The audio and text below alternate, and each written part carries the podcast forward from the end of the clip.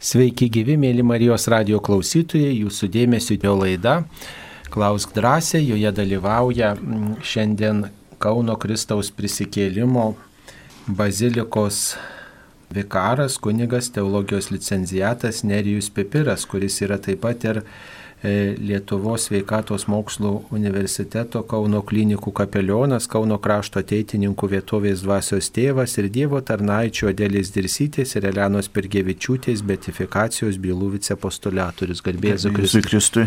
Per amžius amen, tai malonu, kad jūs sutikote dalyvauti šioje laidoje ir turite tiek daug pareigų, esate toks užimtas žmogus, o štai tiek daug laiko skirite Marijos radijui. Tai tikrai Marijos radijo vardu nuoširdžiai dėkoju už visą mm, už visą laiką, energiją ir jūsų kuklumą, paprastumą, kad jūs skiriat mm, jėgas, žinias ir dalinatės su mumis Marijos radijo bendruomenė. Kai bus rengiamas kitas žinynas, paprašysiu, kad dar įrašytų, jog netatinis Marijos radijo darbuotojas. Va, labai gerai, nu šaunuolis, bravo.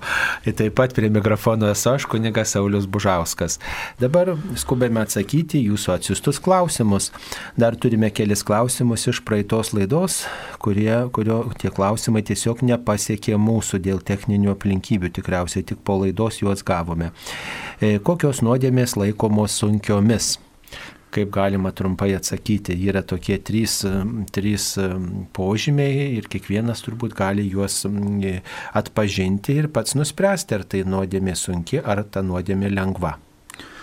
Kažkaip mes e, truputėlį lengvabūdiškai, man atrodo, e, nuodėmė skirstom, kad vat, žmogžudystė tai yra visada sunki nuodėmė, vagystė tai yra e, taip pat sunki nuodėmė.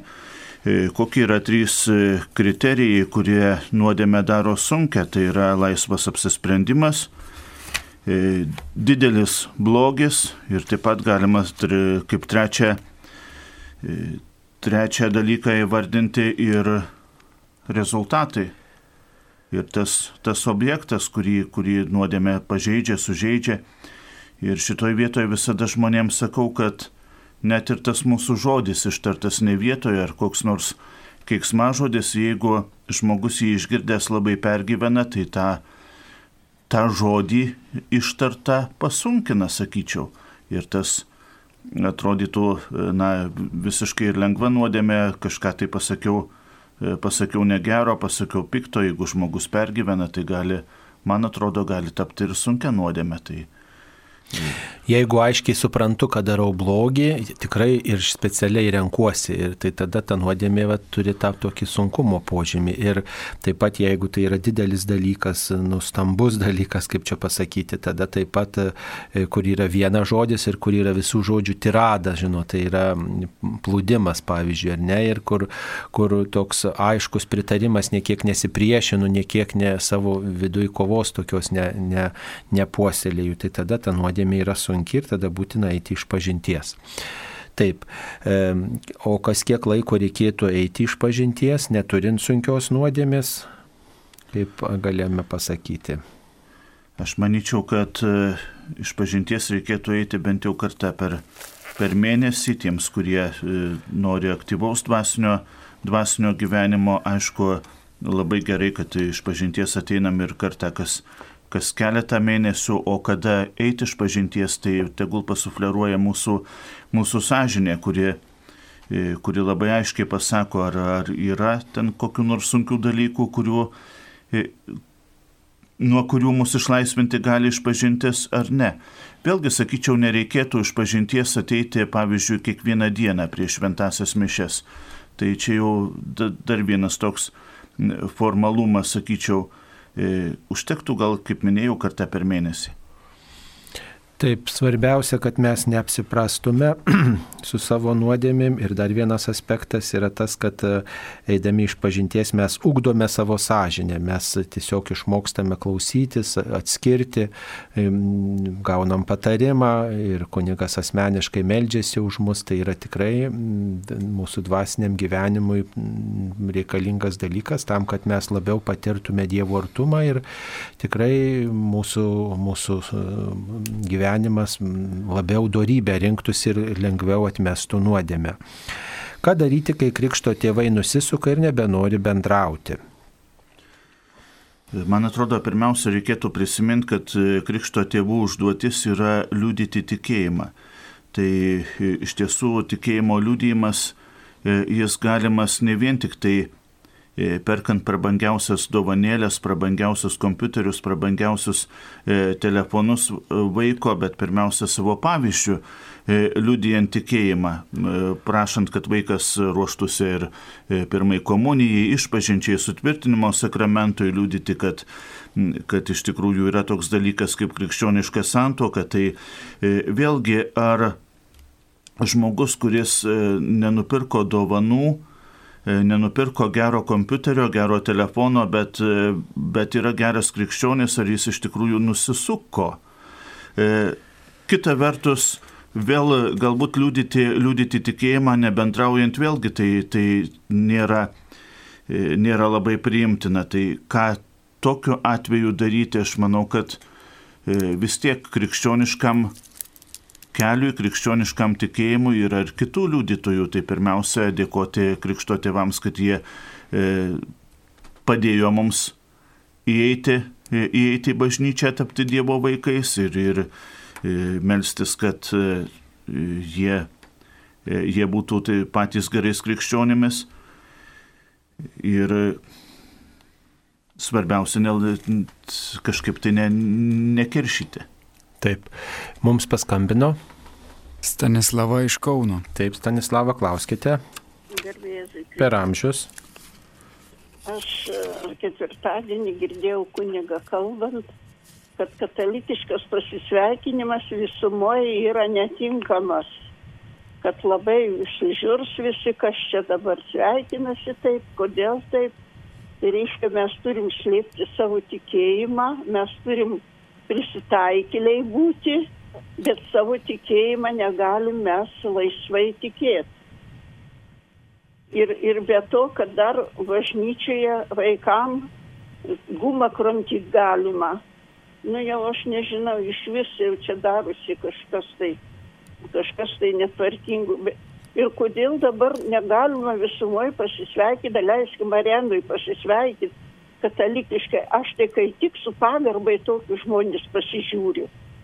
O, o, o čia reiškia pasakė, kad čia visi žiūrės, stebėsis, kam, ka, ka, kaip čia dabar, kas čia dabar sveikinasi šitaip. Tai reiškia mūsų tikėjimas smulko žemyn. Mes negalime jau nieko kito. Taip, supratome. Ačiū. Ačiū. Supratome. Ačiū, mielas Stanislava, už pastebėjimą, už klausimą.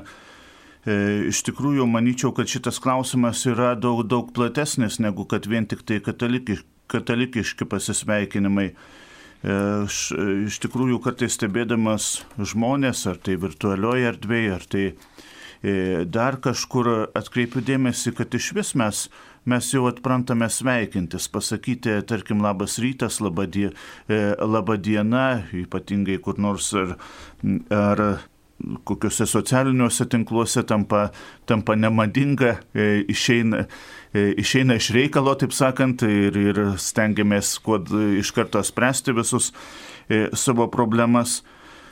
Sakyčiau, kad iš viso reikėtų sveikintis ir kiekvienas sveikinimas galbūt net ir yra tam tikra prasme ir mandagumo forma, gal katalikiškai pavadinti net ir neišeitų labas rytas pasisveikinimo, bet e, e, svarbu, kad jis būtų mūsų dienoj.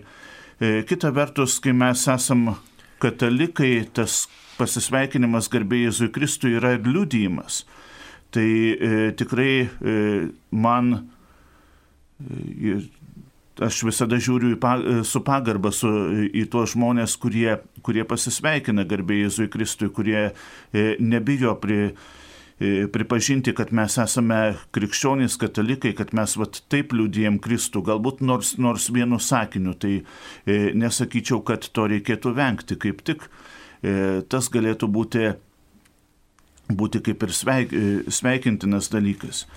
E, kita vertus, dėl e, vaikų elgesio, kaip vaikai turėtų elgtis ar viešoje erdvėje, ar, ar kur nors klasiai, ar teatre, ar kino teatre, tai pirmiausia, E, turėtų e, juos mokyti tėvai, e, šeima. Ir mums krikščionėms yra suprantama, kad nei teatre, nei, nei koncerte, nei kur nors kitur, juolap bažnyčioje, kramtoma guma nu nelabai vartojama. Ir Ypatingai, ypatingai negražu yra, kai, kai jinai yra kur nors priklijuota ar dar kažkaip tai. tai e, Stenkime, kad e, to dalyko, e, kad tas, to dalyko nebūtų, kad tiesiog vengti tokių, tokių dalykų, kurie nu, yra nemandagus.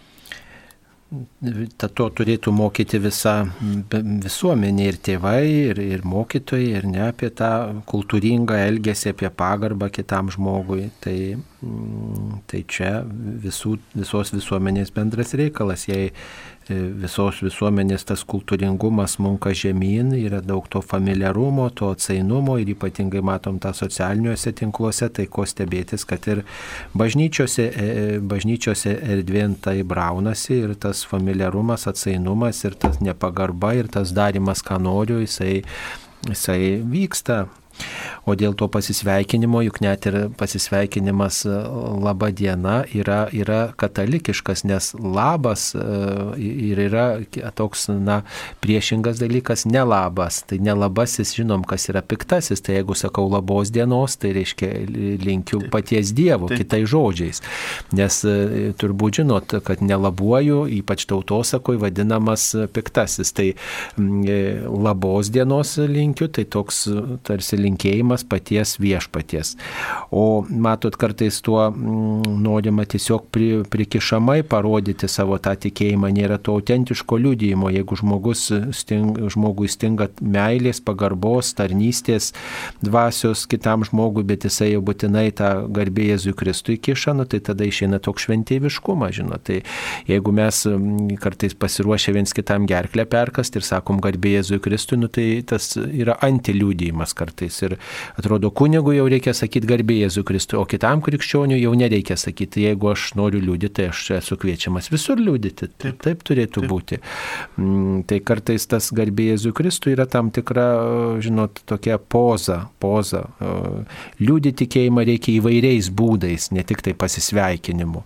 Jeigu kam kas mato prasme, grožį, svarbą, tai gerai, tai labai gerai palaikytinas, aišku, paprotys, bet svarbu, kad tai nevyktų tik tai tokia kaip sakoma, parodomuoja akcija, neliktų tas pasisveikinimas. Mums paskambino.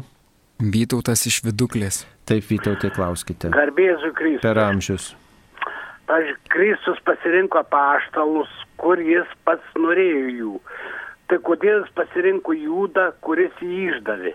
Aš man tai niekaip neaišku. Numatot, reikėtų klausti paties Kristaus, kodėl jisai juda pasirinko. Čia yra viešpaties sprendimas pasirinkti būtent tokius mokinius.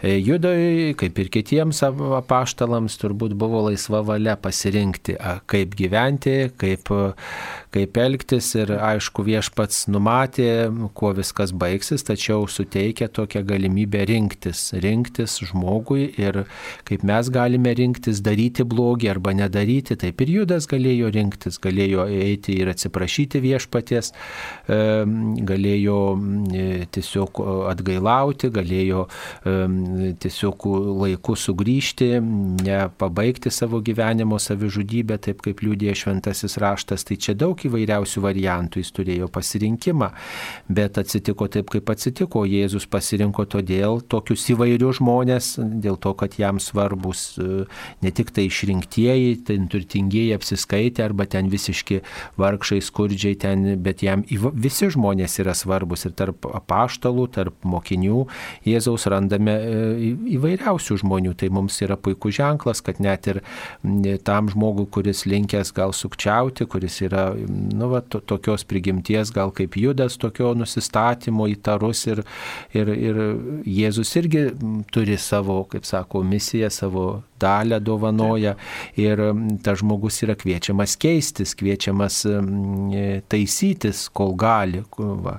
Dievas suteikia šansą net ir tokiam žmogui kaip judas. Va, aš tai taip pasakyčiau.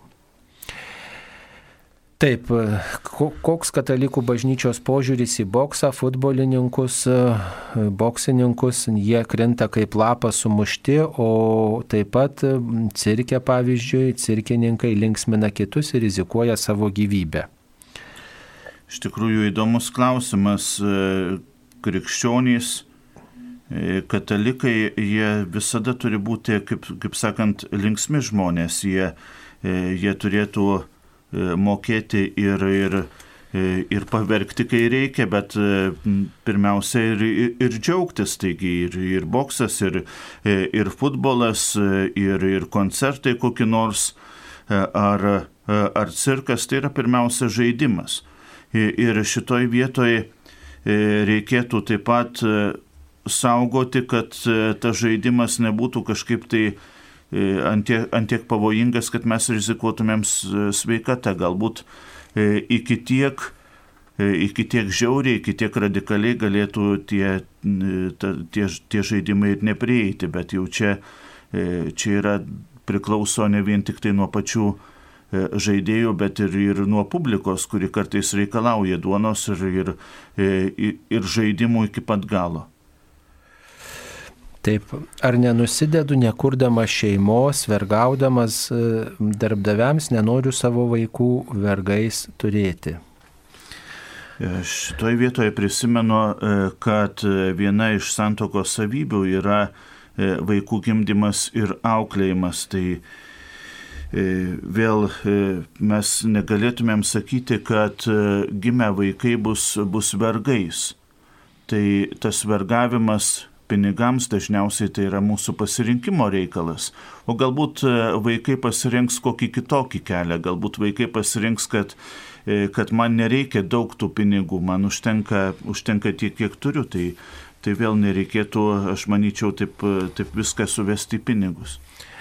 E, nusidėti nenusidedate nekurdama šeimos, nes E, nekurti šeimos nėra nuodėmė. Taip. Nėra nuodėmė. Jeigu jūs šeimą kuriate, o vaikų e, neturite, tai tada kitas dalykas. Bet, bet šeimos nekūrimas dėl įvairiausių priežasčių nėra nuodėmė. Taip mums paskambino. Aldona iš Kauno. Taip, Aldona, klauskite. Garbėzai kreipti. Per amžius. Noriu paklausti apie rožinio. Nu, rūšis ar kažkaip tai pasakyti, nes man paskambino mano buvusi bendradarbė ir sako, e, mane išgazdino e, kaiminė, kad aš meldžiuosi ant rožinio, kurio, kuris pas ją yra keturių slėpinių, keturių paslapčių. Nėra penktosios paslapties. E, Ar, ar tikrai mano negeras rožinis? Nu, aš jai atsakiau, kad negali būti negerų rožinių, tik tai toks rožinis galbūt yra kažkoks tai truputį, nu, netoksai, kaip mes, vat, melžiamės penkių paslapčių. Ir aš pati turiu rožinį kuris yra e, ne kryželis vietoj, toj vietoj, kur būna kryželis, o e, nu, medalikėlis vadinamas, vienoj pusėje Marijos, o kitoj pusėje Jėzaus atvaizdai ir čia vokiškai užrašyta. Ir jis yra septynių dalių ir kiekviena dalis po septynias, daleiskim, sveika Marijo. Aš kažkada tai klausiau kunigo, kam priklauso toks rožinis, bet jis sakė, nežinau. Tai dabar man, kadangi tas keturi yra, nu, yra viena paslaptis, tai jau čia pa, viskas aišku. O, dabar, va, ar dar yra kažkokiu tai kitokiu ir, ir nu, va, klausimas susijęs su rožinio visokiom ar imitacijom, ar Taip, supratau. Taip, jinai pasiskundė, aš pasakiau, kad sakau, malda yra malda ir, ir, ir bet vis tik tai norėčiau dar jai papildyti, pasakyti kažką, kad va, aš sužinojau, kad tikrai tu meldėsi vis tiek gerai ir tas rožinis priklausė. Taip. Žodžiu, va toks mano klausimas. Taip, supratome.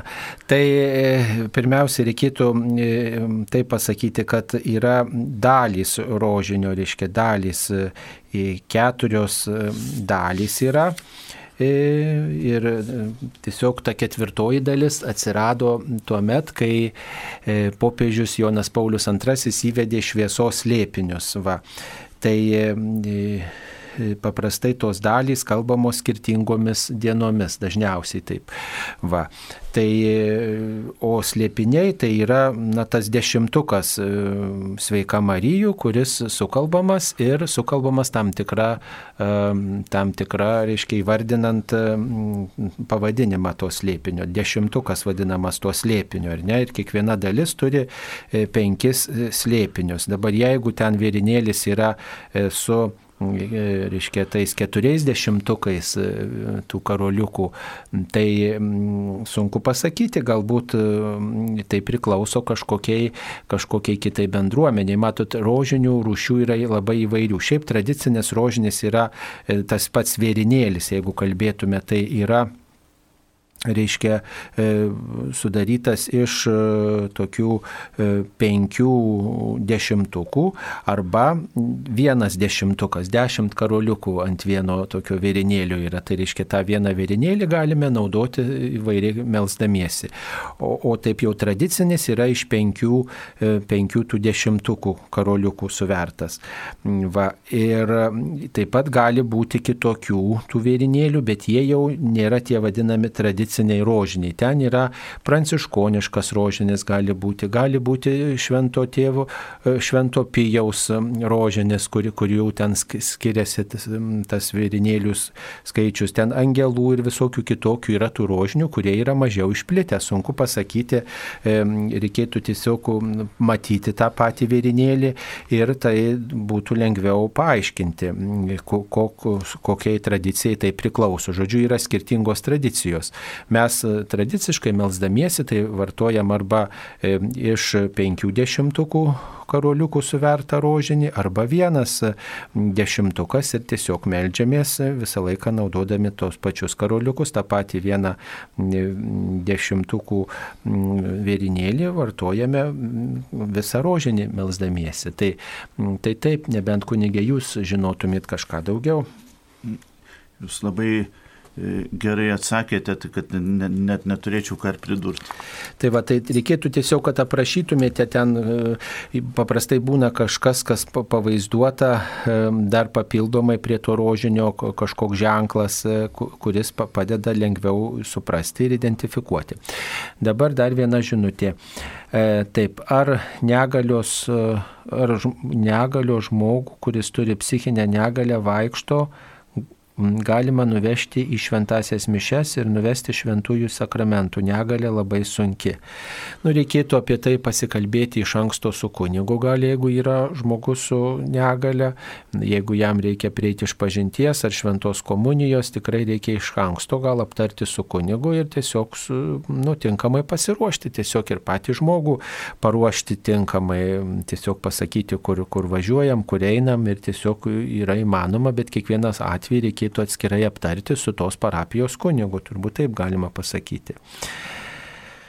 E, taip, dabar dar žinutė tokia. Ar tikrai yra amžinas gyvenimas, jei žmogus miršta senas, tai kokio amžiaus jis bus amžinajame gyvenime? Ar mūsų geri darbai, žodžiai, mintis ir poelgiai duos vaisių amžinybėje? Kad yra amžinasis gyvenimas, Jėzus yra nekarta E, nekartą sakęs ir, ir net ir buveinės paruošęs e, mums visiems, taigi iš tikrųjų tas, e, tas orientyras tegul būna viešpats, kuris, kuris ir įžengia į dangų tam, kad, kad mums dangaus vartus atvertų, o iš kitos pusės šventajame rašte yra parašyta, kad danguje yra tūkstantis metų kaip viena diena, taigi tikrai ar mes nugyvenom 70 ar 90 metų e, mes e, tai jokio skirtumo nėra, danguje mes būsim at, e, perkeisti, būsim, būsim tikrais, tikrais Dievo kūriniais, tokiais, kokiu iš mūsų norėjo pats pats viešpats. Ir be abejo, mūsų pasirinkimai turi, turi lemiamos reikšmės. Mes galim pasirinkti, ar, ar mes eisim darybių keliu, ar nuodėmių nuodėmių keliu ir nuo pasirinkimo priklauso mūsų amžinasis gyvenimas. Taip, ačiū. E, sveiki, kaip vertina bažnyčia migrantų atstumimo politiką? Iš tikrųjų, klausimas yra, ko gero, labai platus. E, viena vertus, e, jei migrantų asimiliavimo politika, tai galėtų būti ir mūsų, mūsų kultūros, mūsų tautinės tapatybės e, tam tikrą prasme netekimas, sumažėjimas.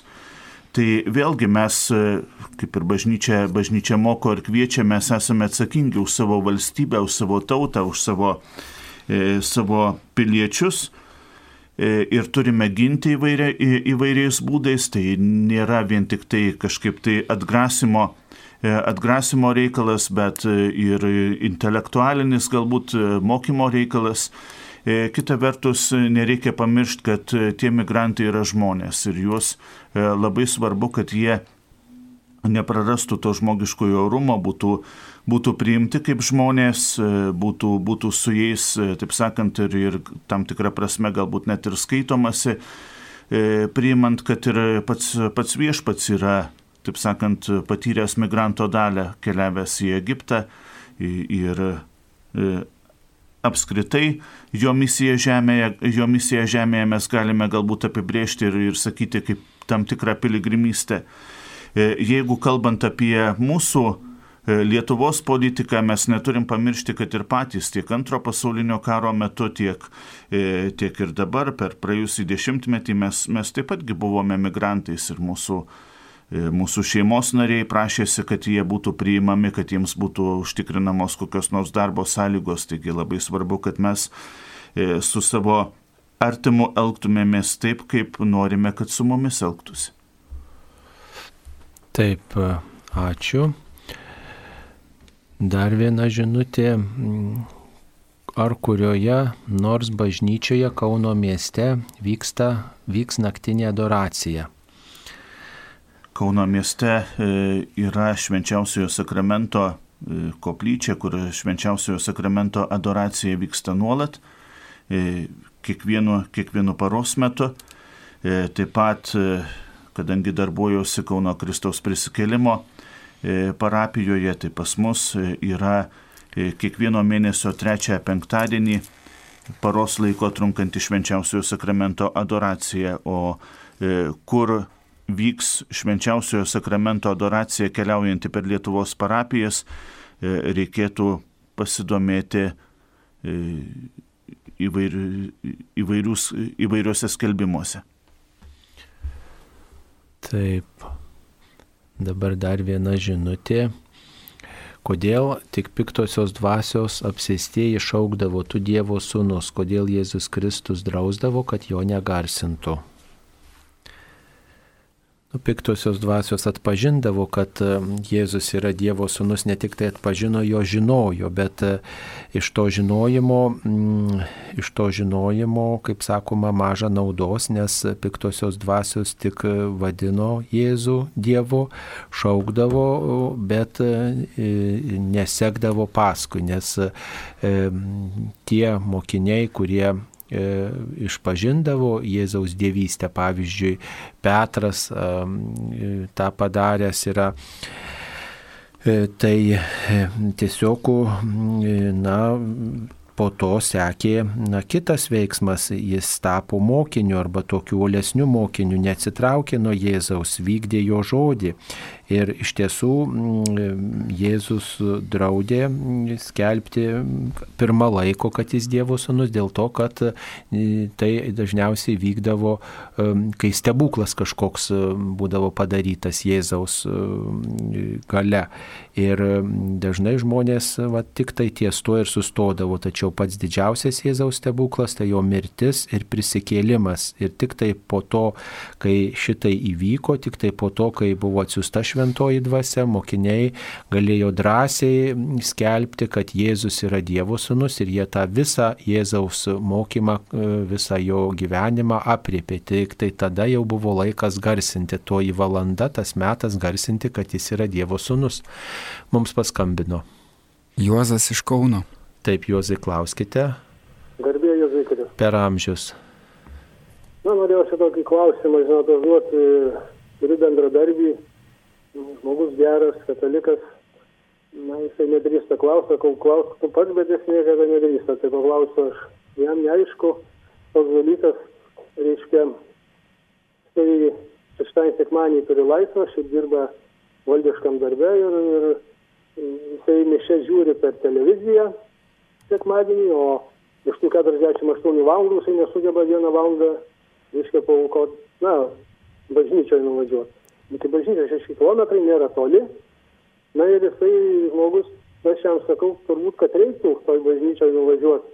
Bet jis, na, jam sako, jis turėtų užsiskaityti ir šitos per televiziją mišios. Tai dabar, na, gal jūs galėtumėt atsakyti plačiau, man atrodo, jisai net girdi šitą jūsų laidą. Dėkui už klausimą. Tai už, atsiprašau už atsakymą. Taip, labai, labai ačiū, kad jūs klausėte ir savo draugui padedate. Kaip mes galim atsakyti, kunigė?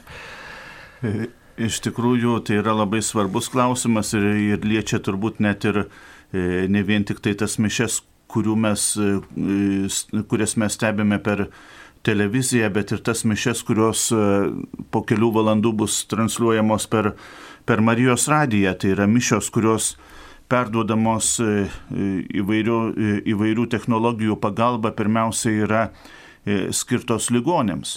Pirmiausia, skirtos tiems, kurie dėl vienokių ar kitokių priežasčių negali nueiti į šventasias mišes, na, o mums, kurie, kurie galim nueiti, tai pirmenybė turėtų būti dalyvavimas šventosiuose mišiuose, taip sakant, ne nuotoliniu būdu, bet atleiskite už tą žodį kontaktiniu būdu. E, vėlgi, e, kai yra pandemija, tai galbūt jau e, žiūrėti per, per televizorių šventasias mišes yra jau geriau negu nieko. Bet vėl tuo met ar šventosios mišios, jos nėra, yra malda, bet nelieka tik tai tam tikrų fonų tarp, tarp svagūnų pjaustimo, tarp kambario, kambario tvarkymo ar kitokių dalykų. Tai jeigu mes skiriame tą laiką maldai, e, tai e, bent jau tegul turėtų, turėtų būti taip, kad tą valandą mes, mes ir skirkime vien tik tai maldai, vien tik tai na, stebėjimui šventųjų mišių ir, ir, ir, ir meldimui, įsiklausimui, į Dievo žodžio klausimui, į homilijos, dvasiniai komunijai ir taip toliau, kad, kad kiti dalykai nenustelbtų šventųjų mišių. Tai irgi tai labai svarbu, jeigu mes Jeigu šventosios mišios tampa tik tai fonu, tai mes e, turbūt jų nei girdime, nei dalyvaujame. Be to, per televiziją jūs niekada ar per radiją jūs nepriimsite šventosios komunijos, o tas būtina, e, kaip Jėzus Kristus sakė, kas valgo mano kūną, tas turi amžiną į gyvenimą. Tai kaip mes ruošiamės amžinajam gyvenimui, jeigu namuose sėdėdami žiūrėsim televizorių, kai tuo tarpu tikrai galime, fiziškai galime dalyvauti šventose mišiuose tai e, tikrai dirbančiam, judančiam žmogui tas žiūrėjimas ar klausimas per radiją neatstoja gyvo dalyvavimo šventuose mišiuose. Ir jeigu tas žmogus save laiko tikinčiu, tai tikrai jisai, nu, tokia daro nuodėmę, apsileidimas, tai yra tinginystė. O netikintis, jeigu abejojantis žmogus, nu, tai yra kviečiamas tikrai eiti toliau, nepasilikti tokiam abejingume, drungnume, paviršutiniškume. Dar viena žinutė. Rūpintojėlis, kai Jėzų uždėjo iškėčių vainiką, tai niekas jam jau neleido rūpestingai sėdėti. Iš kur ir kodėl kuriamos tokios fantazijos, klausė Vygantas. Iš tikrųjų mes nežinome, iš kur, e, iš kur kūriamos tokios, tokios fantazijos, o kad Jėzui buvo e, uždėtas arškiečių vainikas, tai yra e, parašyta šventajame rašte ir po to Jėzus tikrai, e, tikrai nesėdėjo, bet ėjo į į savo kančios vietą su kryžiumi ant pečių. Tai e, rūpintojėlis tai yra turbūt mūsų galbūt tautiniai dalykai. Taip, čia matot, e, truputį daugiau reikia žiūrėti, kad tai yra, nu, ne, ne taip jau, e, kaip čia pažodžiui, reiktų suprasti tą rūpintojėlio skulptūrą, kad rūpintojėlis vaizduoja Dievo rūpestį žmogumi, kad štai viešpats rūpinasi, jam, e, jam rūpi žmogaus gyvenimas, jisai stebimus, jisai žino mus ir jisai pergyvena dėl mūsų. Tai tiesiog būdas vaizduoti Dievo meilę, Dievo tokį dėmesį mūsų mūsų kraštui, žmonijai ir taip liaudės menininkai, e, tarp kitko ne tik Lietuvoje, bet ir net kai kuriuose kituose kraštuose, net ir Vokietijoje, berots yra tokių ženklų, kad ir ten tas paprotys išplito, tokiu būdu vaizduoti Dievo rūpestį, kad štai kenčiantis viešpats jisai kenčia už žmogų ir jam tai nėra, nėra šiaip savo, tai toks na, liaudiškas Dievo dėmesio, Dievo meilės vaizdavimo būdas ir, ir priimam tą, nu, ne pažodžiui, kad štai va taip sėdi Dievas ten ant debesies, ar sėdi Dievas kenčiantis ir žiūri. Tai tiesiog žmogiškai pavaizduotas e, žmonės mylinčio Dievo ženklas. Taip, dabar dar žiūrime, kokios žinutės mums atsiustas, atsiustos Garbėjai Kristui, sakykit, prašom, kiek reikia palikti bažnyčiai už šventasias mišes. Užmirusi palikau 10 eurų, kaip supratau, likau kunigėlio nesuprasta, pensija maža, nedrasu prašyti mišių daugiau. Paaiškinkit, prašau. Iš tikrųjų, norisi padrasinti, kad e, mišios tai nėra kažkaip tai e, kažkaip e, jos orientuotos į tam tikrą pinigų sumą ar dar kažk, kažkokius tai dalykus, kiek mes esame nutarę, kiek mes galime, tiek mes aukojame. E, kita vertus, vėlgi reikėtų, e, reikėtų atkreipti dėmesį į praktinius dalykus, kaip, kaip parapija gyvuoja. Tai e, kartais galbūt parapijai įsilaikyti reikėtų ir kokios nors didesnės aukos. Vėlgi įdomiai atrodo, kai mes prašome laidotuvių šventųjų mišių, tarkim, ir, ir, ir paliekam tik tai 10 eurų, o tuo tarpu reikia reikia kunigui atsiskaityti ir su vargoniku, ir su, e, su zakristijonu, ir su pročkele, taip sakant, e, tai faktiškai tam kunigui beveik nieko ir nelieka. Tai, tai visuomet, visuomet atkreipkite dėmesį ir į, į šituos dalykus, kad, kad šalia kunigo dar yra ir kiti, kiti žmonės, visa parapija. Ir taip pat labai svarbu, kad mūsų mišiuose degtų ir žvakės, ir, ir, ir mikrofonai būtų jungti ir panašiai, o juk žinot, kad elektra taip pat kainuoja, tai, tai atsižvelkite ir į šituos dalykus.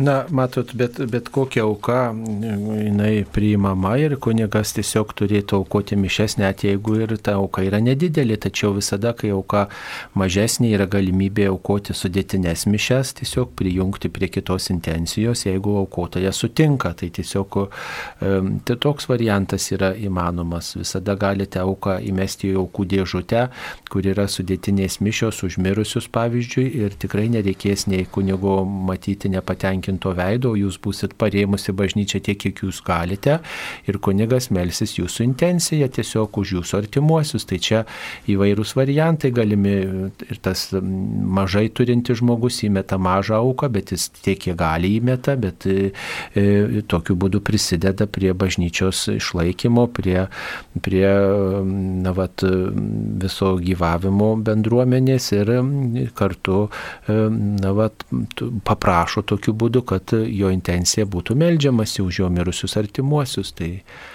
e, Kartais atrodo, kad e, jeigu kunigas vardų nepaskaitė, tai šventosios mišios negalioja. Tai e, iš tiesų ar kunigas pasakė vardus, ar, ar nepasakė, ar pasakė daugiau vardų, ar tai buvo sudėtinės mišios, ar taip vadinamos atskiros, tai niekaip neįtakoja mišių vaisių. Taigi iš tikrųjų drąsiai dar kartą drąsiname, kad melstumėtės ir, ir sudėtinėmis intencijomis ir, ir kaip kunigas Saulis sakė, ir drąsiai įdėtumėte tą auką į aukų dėžutę, tai iš tikrųjų niekaip neįtakoja mišių, mišių vaisių, ar kunigas įvardino vardus, ar, ar kaip įvardino, ar dar kaž, kažką tai, ar iš vis neįvardino. Svarbiausia, kad, kad mišios buvo, kad dalyvaudami mišiuose priėmėme komuniją. Taip, ačiū. Dabar mums paskambino, pasakykite, kasgi mums skambina. Rasa iš Kauno. Taip, Rasa, klauskite. Gerbė Jėzui Kristui. Per amžius amen. E, sutinku, nėra geriau nueiti į bažnytėlę gyvai e, mišiose sudalyvauti, pasimelsti, priimti sutvirtinimą. Jeigu nebūtų vienos bėdos, retas, retas kuris variantas, reta kuri bažnyčiai yra ta, kad kur bestovėtum, eitų girdėti, ką kalba kunigas, kokie skaitiniai yra. Ten, kai visi, visas pamokslėliai, pamokymai ir visa kita, paprastai girdite tie, kurie tik prieki stovi. Tai dabar per televizorių, radiją, kai tu klausaisi, tu viską girdi. Ir tu gal, įsėdžiu ir galvoju, kas geriau, ar gal tai, ką e, mūsų ganytojai mus mokina, ar, ar ten p- prastovėti. Žinoma, e, namuose būnant, aišku, sutvirtinimo negausi, nu, iš pažinties neprieisi. Ir vėlgi negerai. O, o kažkaip ta pagrindinė problema bažnyčiose nesprendžiama yra. Faktiškai taip gaunasi, kad bažnyčioje nėra bendravimo su, su, su bendruomenė. E, seniau kažkaip tai gal, maž, gal nu, aš kaime gimus, tai e, išeidavai, dalindavaisi mintimis, ką, kokį pamokslą sakė, ką gavom, ką pamokino. O dabar nieko, nu, juk ne visi priekiai gali pakliūti atsistuoti. Kaip ta Taip, problema? ačiū. čia? Nu tai dabar vyksta kaip tik tai sinodas, žinot, bažnyčiose, va, kaip tik tai kunigai ir, ir, ir pasakoja, kad žmonės telkitės ir pasakykite, kas jums rūpi, kas, ką galvojate apie bažnyčią. Tai va yra puikus būdas ir, ir pa, pasakyti, kad reikėtų mums spręsti va įgarsinimo problemą, kaip galime tą visi kartu padaryti, kad tikrai visi, visi dalyvaujantis bažnyčioje geriau girdėtų, ką kunigas sako, pamokslą ir, ir, ir, ir mišių tekstą ir taip pat švento rašto skaitinius. Tai tikrai turite progą pasisakyti ypatingai dabar. Kitas dalykas, kad reikėtų, jeigu nėra tos progos, tikrai kalbėti su kunigu ir kalbėti su kitais žmonėmis. Ir nuo mūsų tas priklauso, kad nėra bendruomenių, tai ne tik tai kunigas kaltas, bet ir patys žmonės savotiškai kaltę neša, kad jie po mišių tuoj bėga. Jeigu kunigas pakviečia ateikit grėpti lapų ir nieks neteina, nu, tai kaip tas kunigas suburs tą bendruomenę, jeigu visi, visi savotiškai yra, kaip sakoma, kažkuo nepatenkinti, kažkas negerai ir kunigas visko vienas turi pasirūpinti. Visi e, turim jausti atsakomybę už savo parapiją, už tą bendruomenę, kurioje lankomės. Ir jeigu kažkoks yra dalykas, na tai kalbėkime su kitais pažįstamais, kalbėkime su pačiu kunigu, ateikit gražiai, taktiškai pasakykit, nu, at, galbūt taip, galbūt anaip, taip, vat, nu, kaip čia galime spręsti, kuo galėčiau aš prisidėti, kaip čia galime pagerinti įvairius žmonės, kunigė pagelbėkit, nesu tokiu reikalaujančiu tonu, bet broliškai, tiesiog draugiškai, bendruomeniškai. Kitas dalykas, nesutinku su jumis, kad prastovėti bažnyčiai. Tai yra dalyvavimas, kada žmogus dalyvauja, nesvarbu, kad jisai gal ir negirdi, bet jisai mato, kas vyksta ir jisai mm, turi progą galbūt ir skaityti švento rašto skaitinius. Yra magnifikat maldinėliai, dabar galima sekti šventų mišių, švento rašto skaitinius ir tikrai tas gyvas dalyvavimas yra nepaprastai vertingas. Nepaprastai vertingas ir svarbus. E, Va, negalim taip nuvertinti to, kad maždaug, ai, tai čia prastovėjau, tai yra dalyvavau, o jeigu aš snaudžiau, tai čia jau mano atsakomybė, kad aš nesistengiau suprasti, nesistengiau melstis, nesistengiau mintimis pritarti ir, ir tuo savo buvimu ne, nu, neliūdėjau, kad aš tikiu, kad man svarbus tas įsitraukimas. Juk yra ir kitiems liūdėjimas, tie, kurie dalyvauja mišiuose, kad kartu stojam, kartu klaupiamės, kartu melžiamės, kartu atsakinėjam. Juk žmogui, kuris yra ypatingai garbingo amžiaus ir metai iš metų dalyvauja mišiuose, tai mintinai galima mokėti tas mišes, mišių eigą ir tiesiog net ir negirdint galima e, maždaug jau tikrai pataikyti beveik žodį žodint, kas, e, kas e, žodžiu, ką kunigas atlieka ir ką sako. Tai, na, tai, tai yra gyvo dalyvavimo, nu, ne, niekas neatsto, žinokit, niekas. Ir kol gali, tikrai tekina bėkite, mėloji, tekina bėkite į šventasias mišes, nu ir kad kas negirdėtų. Bet to dabar yra bažnyčios nėra perpildytos, yra galimybė vat, pasirinkti vietą, iš tiesų ateiti anksčiau ir pasirinkti, kur yra patogesnė vieta, kur yra gird, geriau girdėti. Štai man irgi teko dirbti keliose bažnyčiose, tai žinot, sutikau tokių žmonių, kurie specialiai renkasi vietą arčiau, pavyzdžiui, kolonėlė, kur pakabinta, sako, aš tokiu būdu geriau girdžiu ir man čia, mano čia vieta. Ateina žmogus anksčiau atsisėda arba paprašo, kad jeigu ten yra užimta, žinot, sako, ateina mandagiai paprašo, kad e, čia leiskit man, sako, atsisėsti, aš nelabai girdžiu, sako, ir man čia va, tokia vieta, kur aš geriausiai girdžiu, gal jūs galit kitoje vietoje atsisėsti. Nu va ir, ir Ir atsisėda žmogus toj vietoje. Nu tai va, tai viskas priklauso šiek tiek ir nuo mūsų, žinokit, tokio daly, įsitraukimo didesnio. Vat reikėtų būti tokiais aktyvesniais žmonėmis. Aš irgi norėčiau pantrinti kunigui Sauliui, iš tiesų mes galime ateiti į šventasias mišes, na, dešimt minučių anksčiau ir tikrai bus, bus vietos priekyje ir dar rožančių sukalbėsim. Tai e, tik, tai tik tai būtų pliusas. E, kita vertus, e, juk yra E, ir ne viena bažnyčia, ypatingai miestuose ar, ar Kaune ar Vilniuje, kur mes, jeigu vienoje bažnyčioje jaučiamės, kad ateinam reikia, reikia stovėti arba prastovėti, tai galbūt kitoj yra yra kaip nors kitaip. Jeigu vienoj šventųjų mišių laikas netinka, drąsiai nueikim kit, į kitą.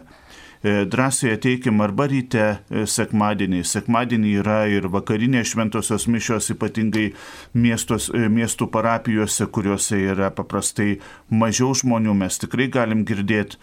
Ir labai svarbu, kad mes patys orientuotumėmės į tai, kas vyksta šventosiuose mišiuose, o nesiblaškytumėm. Dažnai mes tikrai negirdim kas vyksta, kai šventosiuose mišiuose, kai pavyzdžiui, e, man dirbant vienoje parapijoje prasidėdavo pakilėjimas, tai sugalvodavom eiti uždegti žvakelių, tarkim, kokiu nors. E, arba kunigas sako pamokslą, tai tada tik tai pradedam rinktis pamokslo vidury.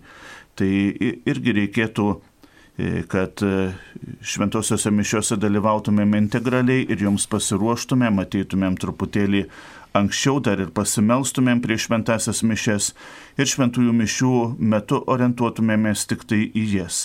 Ir vėlgi e, niekas tikrai nedraudžia e, išėjus iš bažnyčios e, padiskutuoti tarpusavyje, o ką kunigas sakė, galbūt aš negirdėjau, galbūt aš kažkaip tai kitaip, kitaip supratau, mes, mes ir būsime bažnyčia tada, kada mes E, mes ir paklausime ir paliudysime, kad vat, aš taip pamokslą supratau, e, gal tu supratai kaip nors kitaip, gal, kaip sakoma, diskusijose gimsta tiesa, taigi e, linkiu, linkiu tos vaisingos tiesos paieškos. Taip, Ar reikalingos šventosios mišios netikinčiam žmogui, kuris po mirties e, ateina artimiesiems į sapnus, prašydamas atsigerti pinigų ir panašiai. Mm, na tai, kaip e, mes esame pratę, jeigu susapnuojame kokį žmogų, tai pabudę mes būtinai už jį pasimeldžiame, nesvarbu, jis buvo tikintis, netikintis, tai paprasčiausias dalykas yra sukalbėti vadinamus poterius ir pridėti būtinai amžinai atilsi ir galima ištarti to žmogaus žmogaus vardą maldoji, tiesiog pasimelsti už tą žmogų. O net jeigu jis buvo netikintis, jūs tikrai galite, jeigu, pavyzdžiui, net ir nekrikštytas buvo, bet už visą giminę užsakyti šventasias mišes, ne tik už jį tuo pačiu, bet ir už visą giminę išeis. Ir, ir tai yra teisingiausias būdas reaguoti į tai, ką mes išgyvenam sapnuose. Taip, ką reiškia mokslo laipsnis su raide SC, kokiam vienuolynui? E, tai e, pirmiausia reikia pak, pak, tokio mokslo laipsnio neradome žinynuose, e, kuriuose turėjome čia galimybę pasižiūrėti.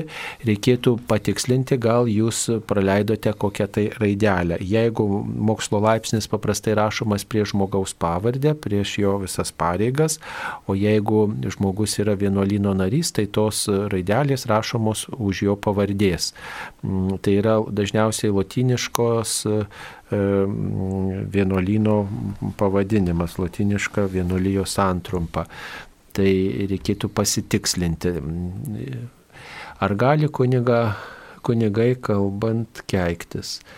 Nu, tai visi žmonės, kaip sakoma, gali keiktis. Tai čia būtų, ar gali kunigas daryti nuodėmę. Taip, kunigas gali daryti nuodėmę, nors e, neturi, ne, nu, kaip čia, e, taip sakant, nors nereikėtų daryti tos nuodėmės. Visi mes turime teisę pasirinkti daryti nuodėmę, vieną ar kitą, absoliučiai visi, nes turim laisvą valią, tačiau na, nereikėtų to daryti ir kunigui nereikėtų keiktis, kai jisai kalbasi, bet, žinot, kartais žmogus ar susinervina, ar išsprūsta, ar tiesiog jisai įpykęs ir emocijom pasidavęs ir turbūt nutinka, kad ir kunigas keikėsi net ir girdint žmonėm, tai aišku, gali būti ir papiktinimas. Taip. E, Taigi, taigi, taigi, dar viena žinutė - būti su Dievu. Čia yra tik teiginys, tai mes nieko mums paskambino. Genovaitė iš Kauno. Taip, Genovaitė, klauskite. Garbėjai Jėzui Kristui. Per amžius. Aš norėjau paklausti tokį klausimą, nes apturėjau gėdą prieš anukutę. Jūs savo radijo imtuvą pritildykite arba išjungkite. Aha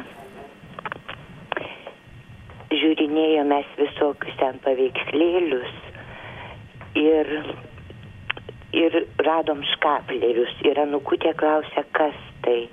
Ir aš nemokėjau jai paaiškinti.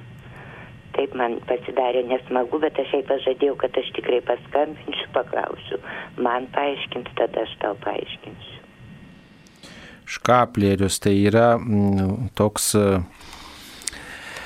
toks vėrinėlė, tokia, toks su dviem medžiagos keutėm virvelė tokia ir ant, tos, ant tų virvelių yra pavaizduoti, ant, vieno, ant vienos medžiagos keutės yra pavaizduota Marijos monograma, ant kitos medžiagos keutės yra pavaizduota Jėzaus monograma. Tai yra, kitaip sakant, užuomina į Jėzų ir į Mariją. Ir tokiu būdu e, žmogus nešiojantis pašventintą tokį škaplerių, tai yra tokia sakramentalija, jisai save paveda ypatingai Marijos ir Jėzaus globai ir tokiu būdu prašo, kad Jėzus ir Marija globotų tie svarbus mūsų tikėjimo kelyje asmenys. Ir škapleriaus tradicija yra sena bažnyčioje ir susijusi su pažadais, kuriuos yra gavę, gavę įvairūs regėtojai konkrečiai Simonas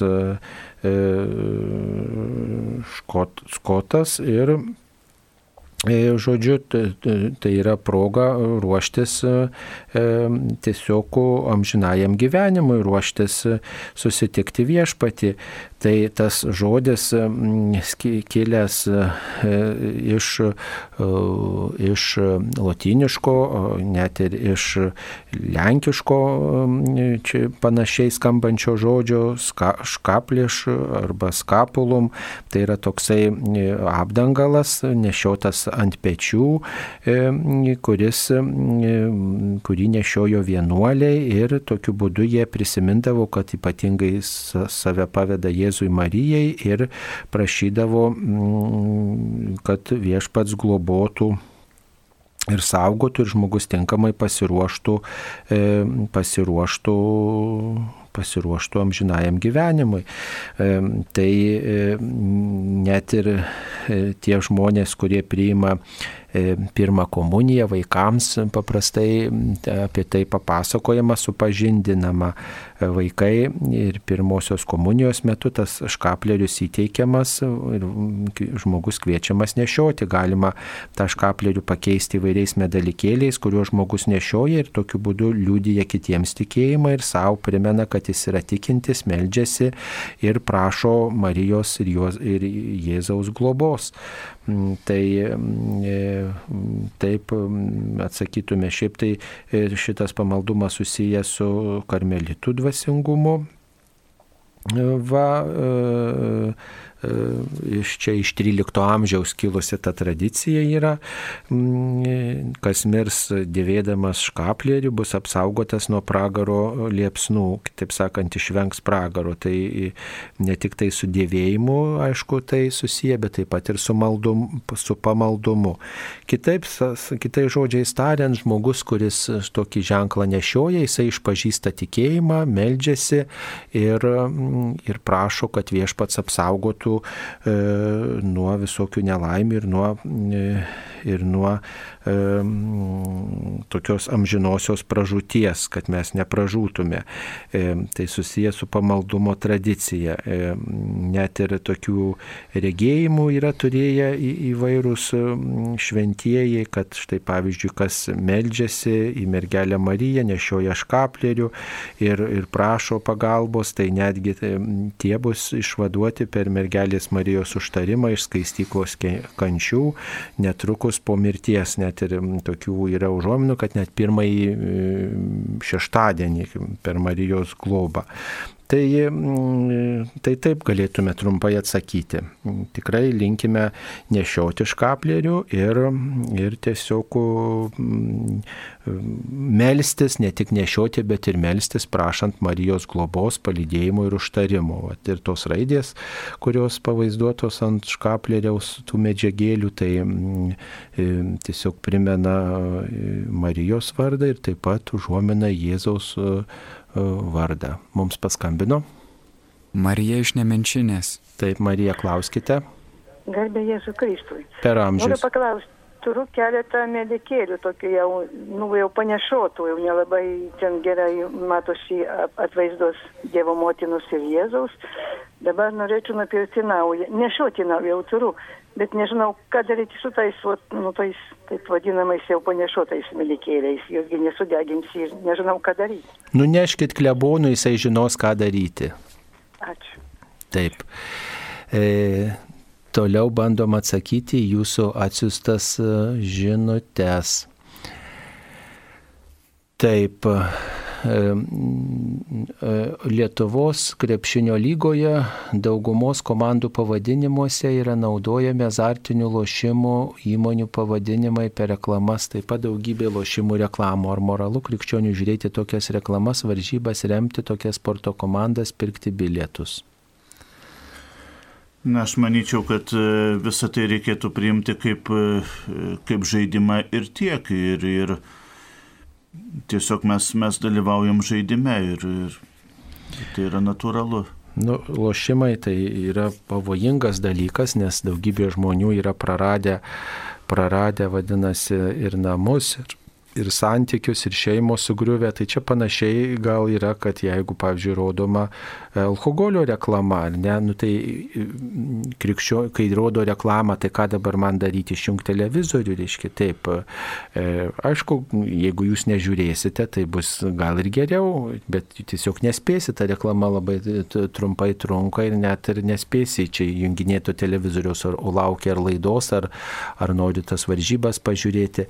Tikrai nuodėmės nėra čia, kai, kai aš žiūriu nespecialiai va, tokius dalykus dalykus, bet um, tiesiog žiūriu vieną laidą, bet man įbruka kažkokia reklamėlė. Nu, tai akis visada galima nusukti, užsimerkti, jeigu nenorite, kad jūs veiktų, kad e, jūsų pasąmonė kaltų žinia apie, apie tuos lošimus ar panašiai.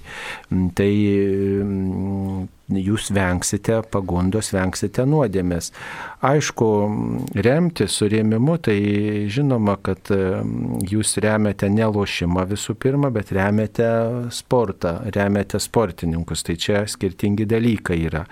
E, ir nuodėmės nėra remti sportininką, o kad jisai lėšų ieško ir kitur, tai čia yra jo atsakomybė, reiškia, ne, tas etiškas sporto etiškumas. Tai yra sportininkų, tų organizatorių varžybų jau yra jų atsakomybė, kad jie eina uh, ir, uh, ir kitur ieško lėšų, net ir tokių pinigų, kurie, sakykime, gaunami tokiais, nu, ne visai sąžiningais būdais, kur yra daug manipulacijos žmogumi, kur yra skriaudo žmogui daroma, nes lošimai tikrai daro daug skriaudo žmogui. Apie tai irgi svarbu kalbėti, nes yra kaip ir alkoholis, ir rūkimas daro daug skriaudos, nes yra pavojus priklausomybėms, taip ir lošimų sritis. Tai e, būkite atsargus žmonės mėlyjei, kurie nors kiek prisiliečiat prie šitų sričių, laikia labai daug išminties ir tikrai tvirtų darybių. Mums paskambino. Elena iš Žemaičių kalvarijos. Taip, Elena. Garbė, garbė Jėzui Kristui. Per amžius amen. Ačiū, kunigė Saulė, už padėką atsiųstą. Bet prasijaukiaut paėmus ton kad 12 metų. Sakau, gal jau Dievas manis nebeišlaikys tiek metų, kad galėčiau pasimelsti už ton, už ton Brigitas. Taip, nepergyvenkit, mėloji, čia toks pamaldumas, kurį čia mūsų Marijos radio bendradarbiai mums priminė ir, ir pakvietė pasidalinti šiuo pamaldumu su visais žmonėmis, tiesiog priminti. Na tai, žinot, mes ne, negalim įvykdyti visų tų apreiškimo rezultatų, e, visų tų apreiškimų žinučių pažodžiui, kaip sakoma.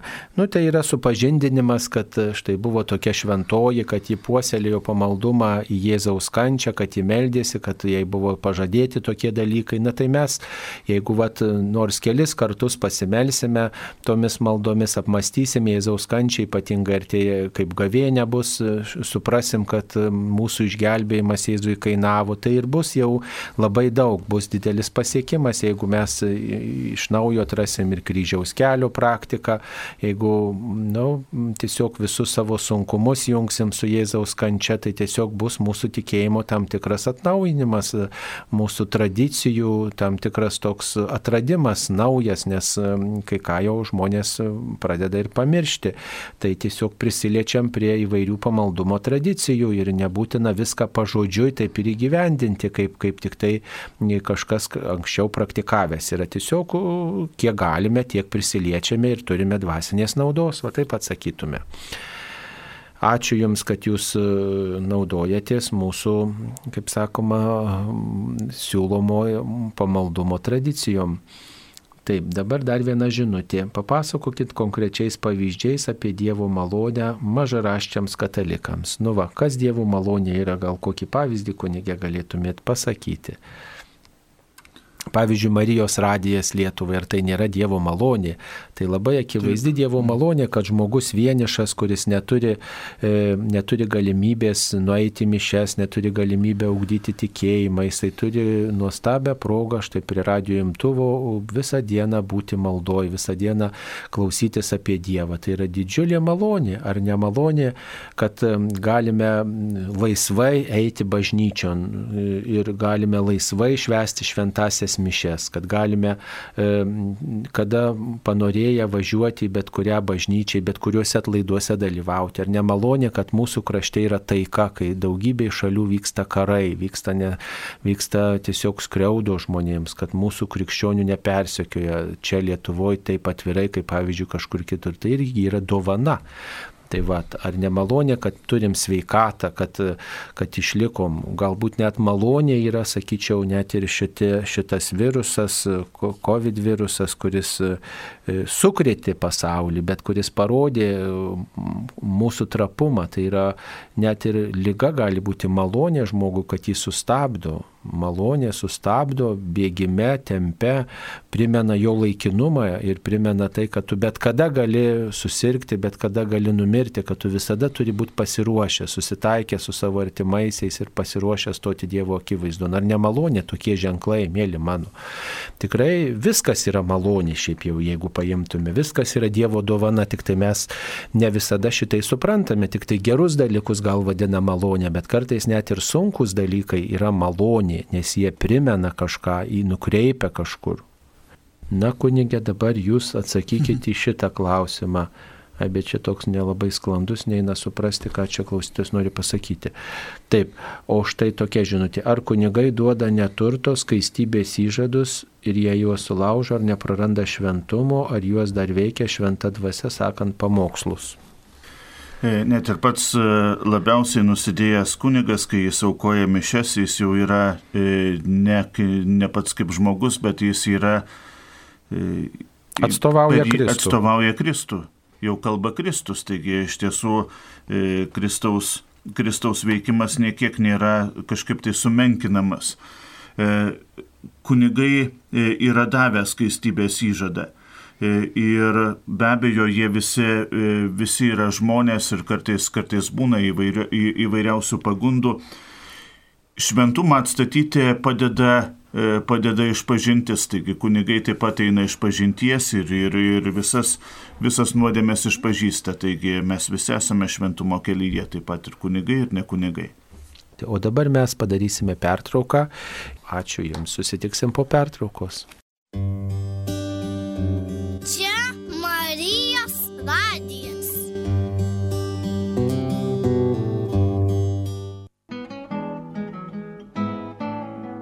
Mėly klausytojai, vieni kitus stipriname maldą, maitinamės Dievo žodžiu, gerąją naujieną nešame pasauliui. Tai jau daug metų darome kartu su jumis. Laiminame viešpaties ir švenčiausios mergelės Marijos. Džiaukimės šią bendrystę ir toliau, ne tik girdėdami vieni kitus, bet ir susitikdami. Marijos radijos savanoriai Artimiausių metų laukia jūsų sausio 23-ąją sekmadienį Vilniaus Švento Mikalojaus bažnyčioje, Trakų švenčiausios mergelės Marijos apsilankimo bazilikoje, Marijampolės Švento Vincento Pauliečio bažnyčioje, Zarasų švenčiausios mergelės Marijos ėmimo į dangų bažnyčioje, Garliavos švenčiausios trejybės bažnyčioje, kur lankysis Marijos radio programų direktorius kunigas Saulis Bužauskas. Dėkojame ir melžiamės už jūs.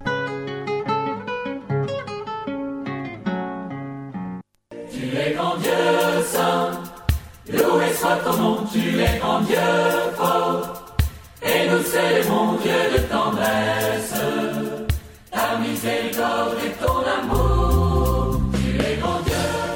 Pokalbių laida Klausk drąsiai. Et nous célébrons Dieu de tendresse, ta miséricorde et ton amour. Taip, mėlyjeji, mes po pertraukos vėl su jumis kalbamės. Ačiū, kad klausotės mūsų, Marijos radio mėly klausytojai. Čia mes studijoje esam dviese, aš kunigas Saulis Bužauskas ir taip pat prie mikrofono yra kunigas Nerijus Pipiras, kuris yra Kauno Kristaus prisikėlimo bazilikos vikaras. Štai viena žinutė, nešioju Matildos vardą, kokia ji buvo šventoji, kokia jos istorija. Taigi šventoji Matilda yra Vokietijos šventoji benediktinė, ji, ji yra gyvenusi berots 13 amžiuje, kaip tik tai tuo laiku, kai Lietuvoje Mindaugas priėmė krikštą ir tapo Lietuvos karaliumi maždaug iš to laiko tarpio.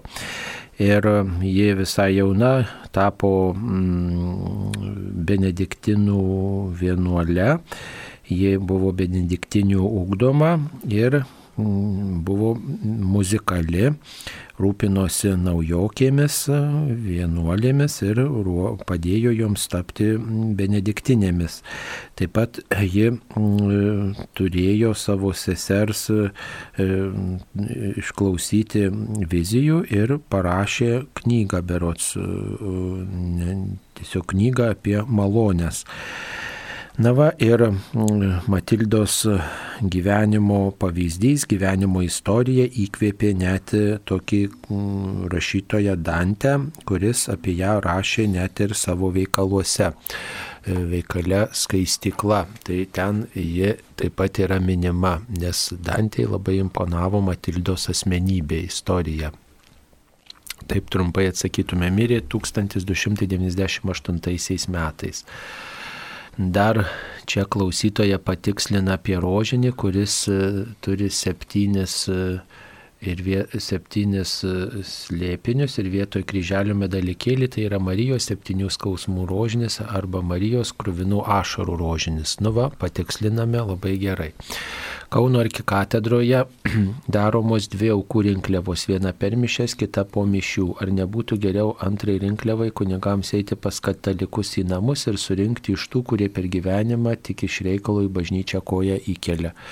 Na, eiti į namus dabar nemažas iššūkis yra, nes ne visi įsileidžia ir be to yra pandemija, tai tas lankymas yra gana komplikuotas. Bet pasiūlymas vertas dėmesio. Kai kur kunigai lanko parapiečius, kai kur bijodamiesi pandemijos nelanko, bet visada ta galimybė lieka. Mums paskambino. Vanda iš Jonavos. Taip. Garbė Kristui ir Marijai. Taip per amžius amen. Aš, žinot, turėjau, turiu tokį klausimą, tokį, nu, kad mes norim to klausimą įsiaiškinti, kad suprastume mes tokie eiliniai žmonės. Ketvirtadienį girdėjau per radiją, per Marijos radiją buvo, buvo Mindaugas Ragaišis, nu tai iš seminarijos kunigų, aš taip supratau. Taip. Ir, ir, ir paaiškino, kad reiškia komuniją galim paukoti, jeigu kas, kas nors ten melstis už kažkas ten, kad jau kas reanimacijų ir panašiai, galima už jį komuniją paukoti. O komunijas paukoti negalim už sielas, už, nu, už kenčiančias po mirties sielas. E, tai, tai dabar mes ir tada dar kaip, kaip užsakyti, kok, kokia, gali, kokia galimybė ir kaip mes galim užsakyti dar mišes, nu, vad, pavyzdžiui, nuodėlnai už sielas šito aš šito atsakymo pas mane klausia žinot aš sakau kodėl jūs neklausiat kunigų pas kunigus nedrįstam nu tai va taip tai aš pažadėjau paklaust to klausimo ir labai labai labai dėkoju už išsamų atsakymą už tai kad nu norim suprast eiliniai kaip sakau eilinis babelas matot, mes e, priimdami komuniją pirmiausiai stipriname save pačius. E, mes patys susivienijame su Dievu. Tai yra vienybės maistas, va, komunija, susivienijimas, bendrystė. Ir mes tokiu būdu patys ruošiamės gyvenimui be pabaigos. Bet jeigu, pavyzdžiui, yra mūsų troškimas ne tik tai mums pasistiprinti, bet ir norim to Dievo artumo savo mirusiems, na tai e, užsakome šventasias mišes už tuos mirusius, kurie mums svarbus ir jie, už juos žmonės e, susirinkusi bendruomenė meldžiasi ir taip pat kunigas aukoja tą mišių auką ir joje priimame priimame komuniją. Tai va toji malda ir, ir, ir pagalba mūsų mirusiems yra kaip aukos sudabartinimas, Kristaus aukos sudabartinimas, Dievui pavedam tuos žmonės, kurie gyveno pirmą mūsų ir mes susivienijam su tuo Dievu, kurio artumo linkime tiem žmonėms. Tai yra šventųjų bendravimas, bažnyčios mokymas, kad mes vieni už kitus melžiamės ir vieni kitus galime užtarti, vieni kitus galime lydėti ir tiesiog toks yra intimus susitikimas per viešpatį kartu su tais, kurie yra Dievo akivaizdoje. Mes to nematome, neišgyvename, bet žinome, kad tai yra vienintelis būdas mums tą bendrystę su mūsų mirusiais išgyventi. Ir užsakyti mišes tai yra tas pats legaliausias ir teisingiausias būdas prisidėti prie na, tos mūsų iškeliavusiųjų žmonių laimės, nes žinom, kad jie stoja Dievo akivaizdon, kad niekas panoręs negali sugrįžti čia, kad tik tai vienas viešpats sprendžia to žmogaus istoriją, tai mes ir kreipiamės į viešpatį užtardami.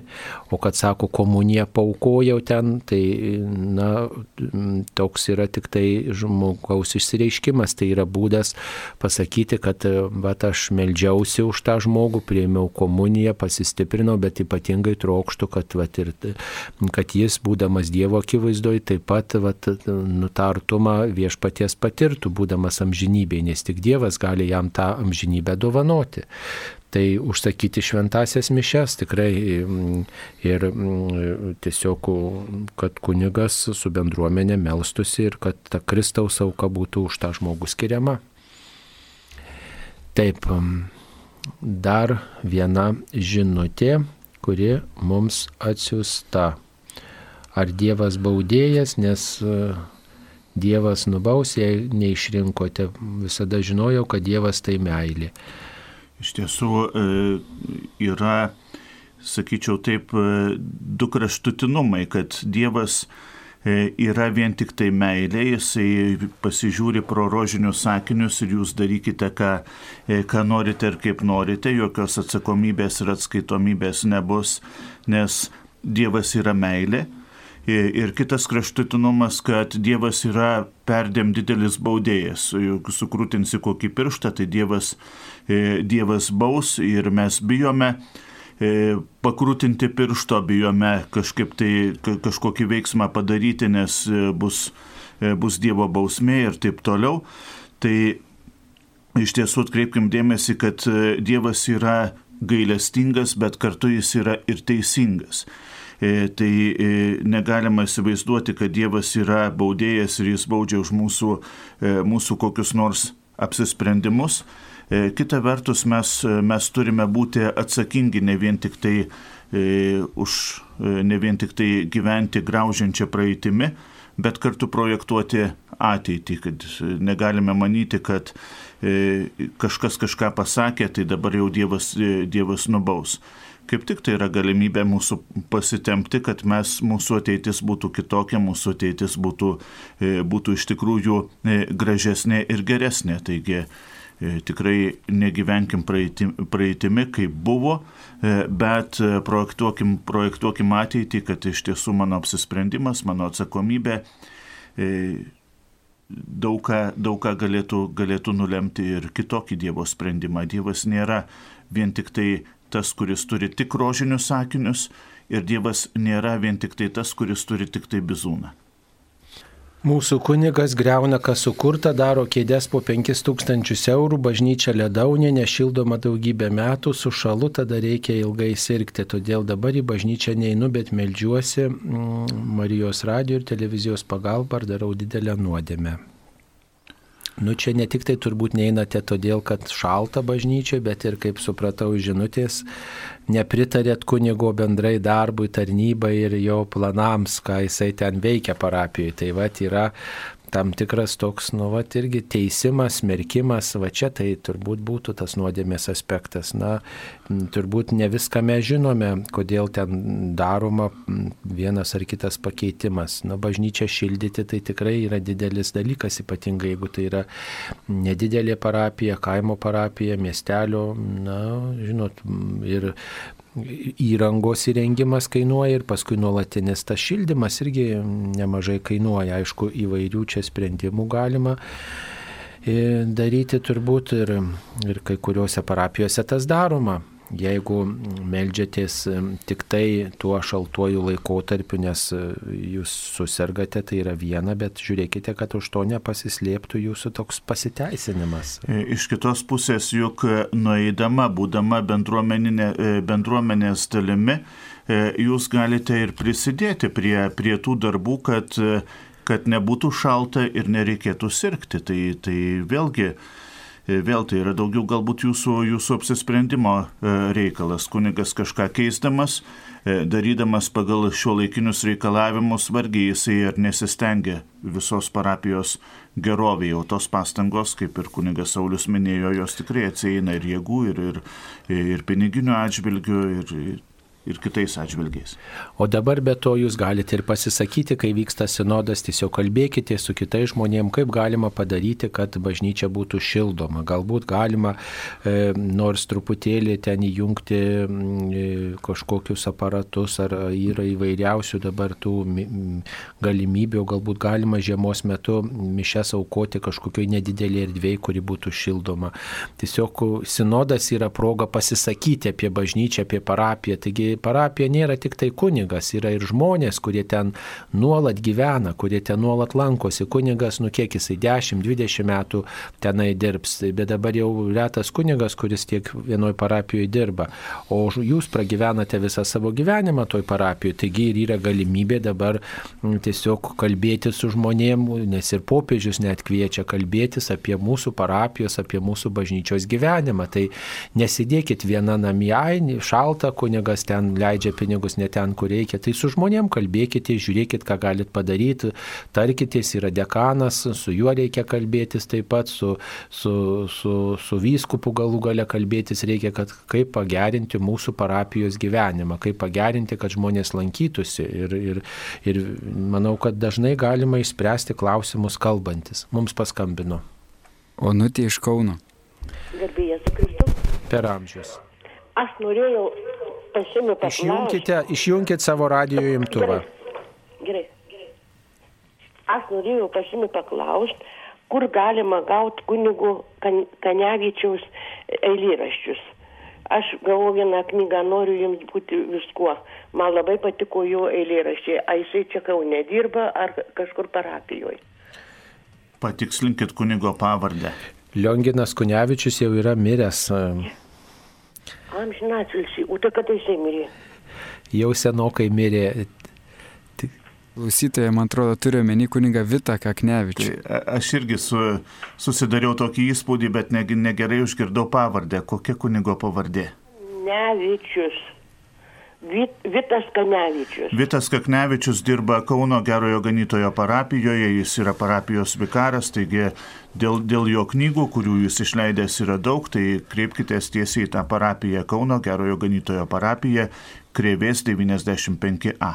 Vitas Kaknevičius, tokia jau tiksli pavardė, taip. Ne, o Lionginas Kunevičius yra visiškai kitas kunigas. Taip, e, dabar dar viena žinutė. Garbėjusui Kristui norėjau paprašyti paaiškinti, kaip reikia suprasti maldo žodžius tikiu kūno iš numirusių prisikėlimą arba kad kelsis visi iš kapų. Kasdien tai kartoju maldoje, bet protu sunku suvokti, kaip tai įmanoma, jo labiau, kad žmonės jau miršta šimtus metų ir yra išnešioti dulkė vėjo. Sunku paaiškinti ir vaikams tai, kaip pati nesuvokiu. Dažnai mes e, manome, kad kelsis tokie pat kūnai ir, ir iš tiesų tuomet, tuomet mums atrodo, kad e, mums e, tiesiog nebebus vietos žemėje, nebebus vietos visatoje ir panašiai. Visada atkreipkite dėmesį į tai, kad, kad mes tikime, jog keis, kelsis perkeisti kūnai.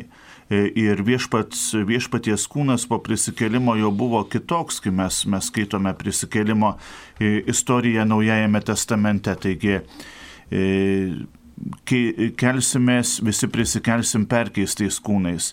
Ir tai nebūtinai bus tokie kūnai kaip, kaip dabar su daugybė procentų vandens, su, su šiek tiek mėsos ir, ir šiek, tiek, šiek tiek smegenų, bet, bet mes, mes būsime kitokie ir Dievui, Dievui tikrai nėra, ne, e, nėra negalimų dalykų. Tai yra labai aiškus pažadas, kad kelsimės ir tuo remiasi mūsų tikėjimas, nes ir Kristus prisikėlė, tai yra pagrindinė tikėjimo tiesa, kad jis prisikėlė iš kapų ir apie tai rašoma šventame rašte.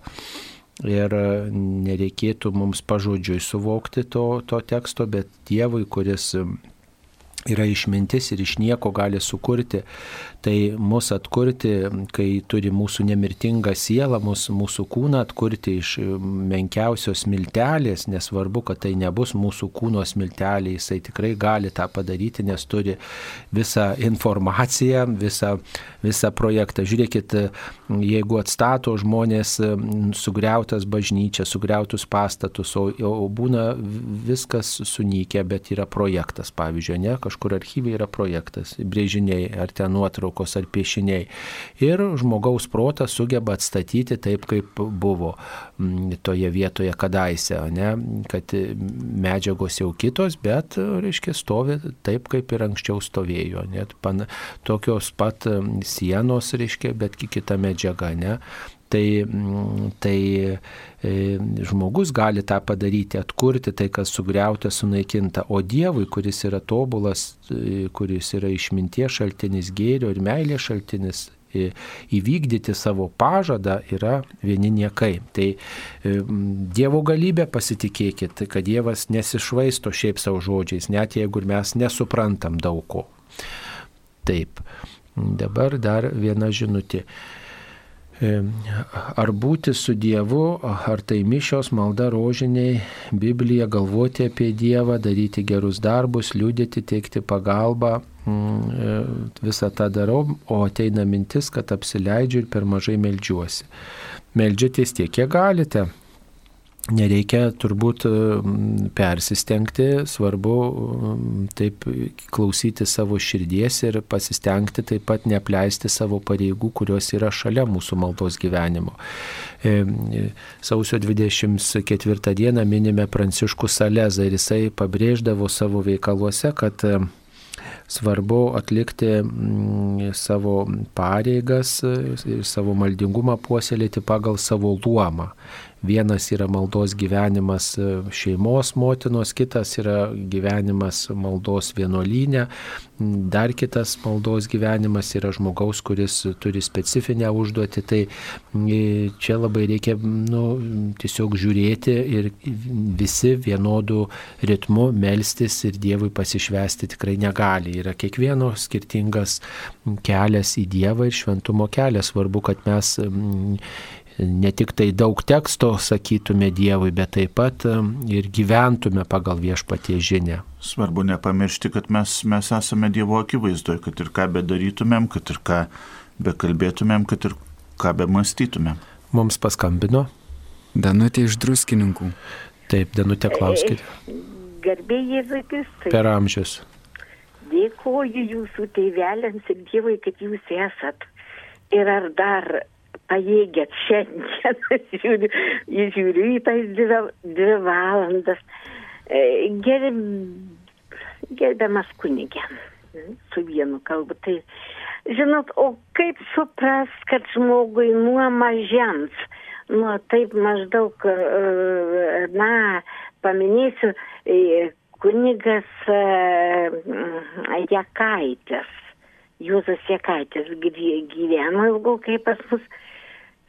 Ir kažkur būdavo jis, aš ten buvau apie 3-4 metų, pradėjau pajaust, kad aš po, tik po komunijos.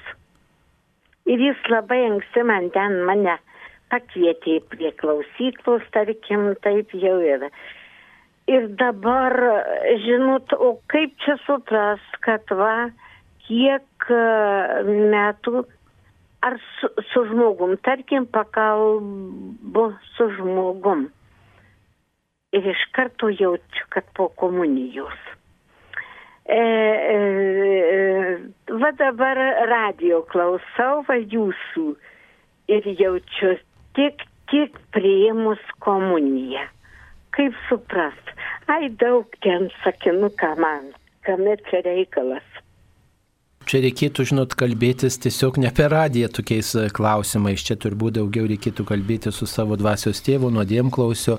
Nu, tai komunija, kas yra bendrystė, yra bendrystės patirtis, artumo patirtis. Tai jeigu girdim kitą žmogų ir jis man atliepia tai, ką aš jaučiu, ką aš išgyvenu, tai ką jis, jo mintis man, man tinka ir aš suprantu gerai ir pritariu tam, tai ir yra ta bendrystės patirtis, kurią mes išgyvename, prieimė ir šventame šventą komuniją. Aš tai paaiškinčiau ir tikrai džiugu, kad tokią patirtį turite. Sakyčiau, tikrai saugokite kaip tokia ypatinga malonė, per daug, žinot, su žmonėmis savo intimiais išgyvenimais nereikėtų dalintis arba labai nutaikyti, įsiklausyti į aplinką, nes galim sulaukti ir tokių ir pašaipų, ir paniekos, ir nepritarimo tokio.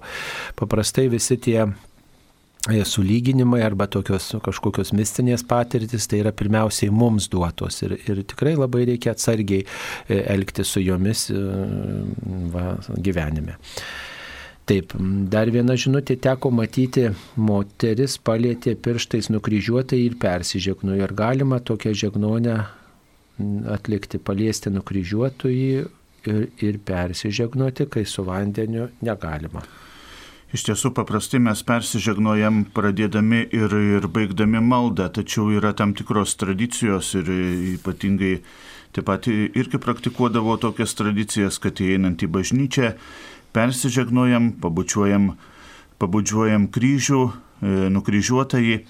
Tai yra daugiau liaudės pamaldumo tradicijos ir, ir tikrai nėra kažkaip tai nurodyta, kad įeidami į bažnyčią kryžių mes turime bučiuoti prisiliesti arba, arba nebučiuoti. Iš tiesų yra ir, vat, pavyzdžiui, Šventojo Petro bazilikoje yra Švento Petro turbūt statula, kuri e, tiek tiek nuliesta, kad, kad net beveik ir Švento Petro pėdos nebėra. E, nėra kažkaip tai nurodyta, kad mes būtinai turime prisiliesti prie nukryžiuotojo. Tai yra mūsų liaudės pamaldumo tradicija kurie neturėtų būti gal labai, labai išmetama arba vengtina, tai yra graži tradicija. Kita vertus, pandemijos metu mes turim patys būti, būti atsakingi ir prisilietę, ne, ne, nepaliek, nepaliekam kokiu nors e, bakterijų ir nepaliekam galimybę žmogui, e, žmogui užsikrėsti. Tai jeigu dar vis nėra bažnyčiose išmesto vandens prie bažnyčios durų, galbūt nereikėtų ir, ir, ir liestis prie kryžiaus ar, ar jį bučiuoti.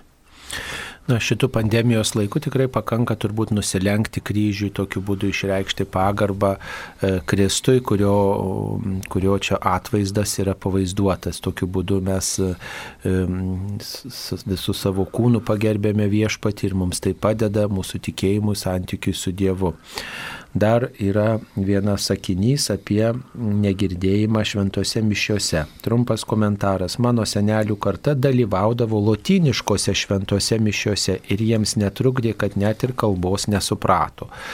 Taigi matom, kad tas negirdėjimas dar nėra pakankama priežastis nedalyvauti šventose mišiuose. Ir štai tikrai klausytojai dalyvaudami lotiniškose mišiuose ne tik, kad negirdėjo, bet net ir girdėdami negalėjo suprasti, ką kunigas meldžiasi. Bet tas buvimas Dievo namuose, dalyvavimas tikrai buvo didelė šventė, atgaiva ir tai išreiškė jų tikėjimą ir juos stiprindavo. Tai tikrai ir mes net ir su įvairiomis kliūtimis susidardami, nepasiduokime pagundai nedalyvauti šventose mišiuose. Tikrai dalyvavimas yra mūsų teisė, pareiga ir malonė sekmadienį dalyvauti šventose mišiuose, kokios tos mišios bebūtų katalikų bažnyčioje.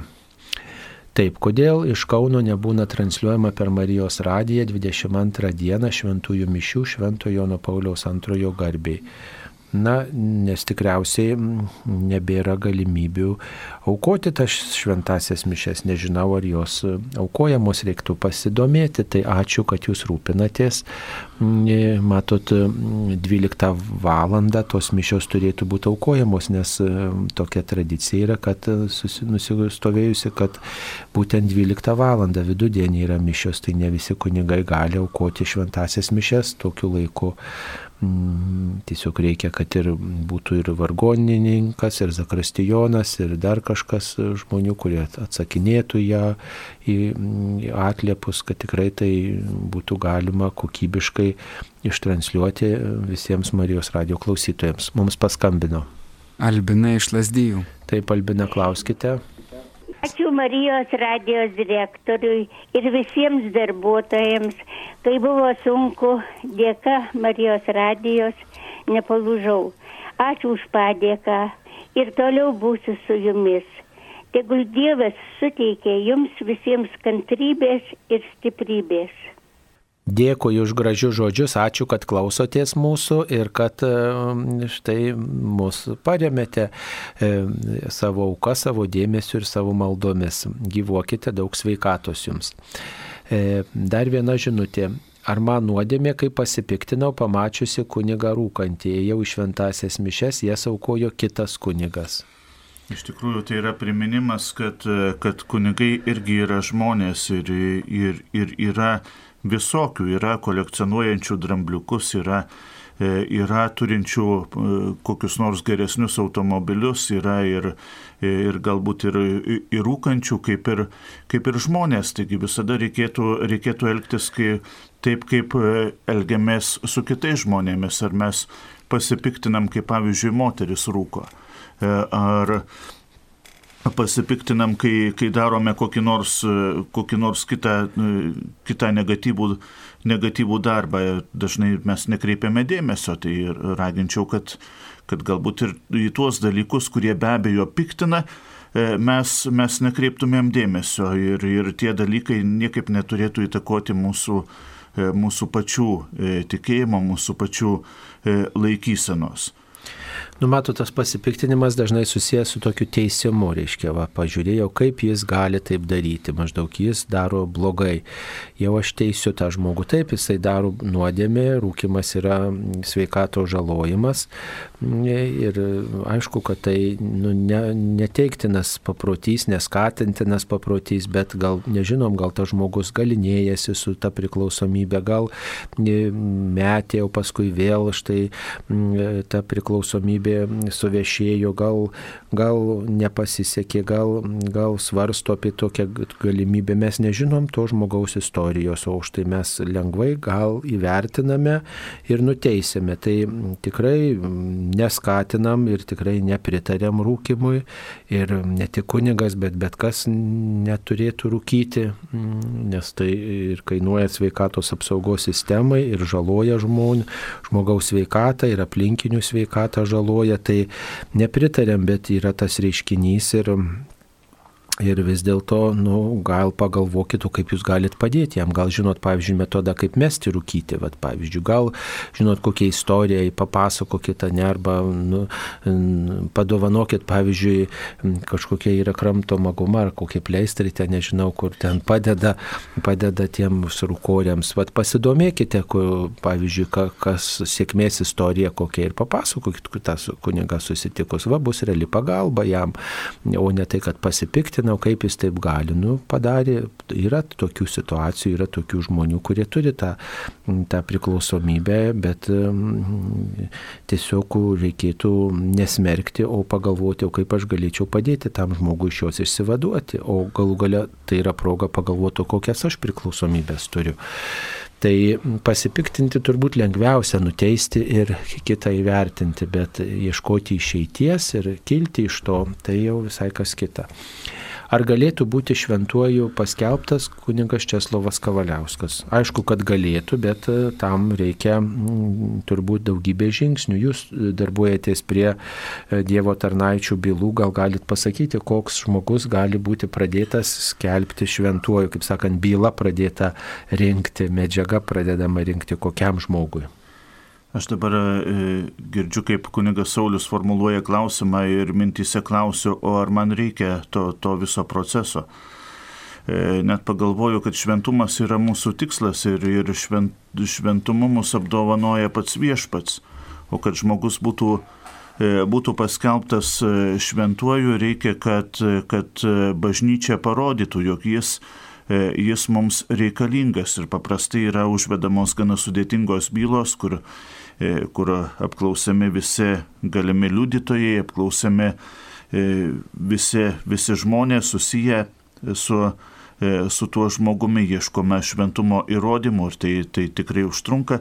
Be abejo, tiek ir kunigas Česlovas Kavaliauskas, tiek ir kiti žymus kunigai, juo labiau, kad ir mes E, mes visi tikintieji, kurie ėjome, kentėjome, kurie, kurie stengiamės būti gerais Dievo vaikais, mes galim būti, būti šventaisiais.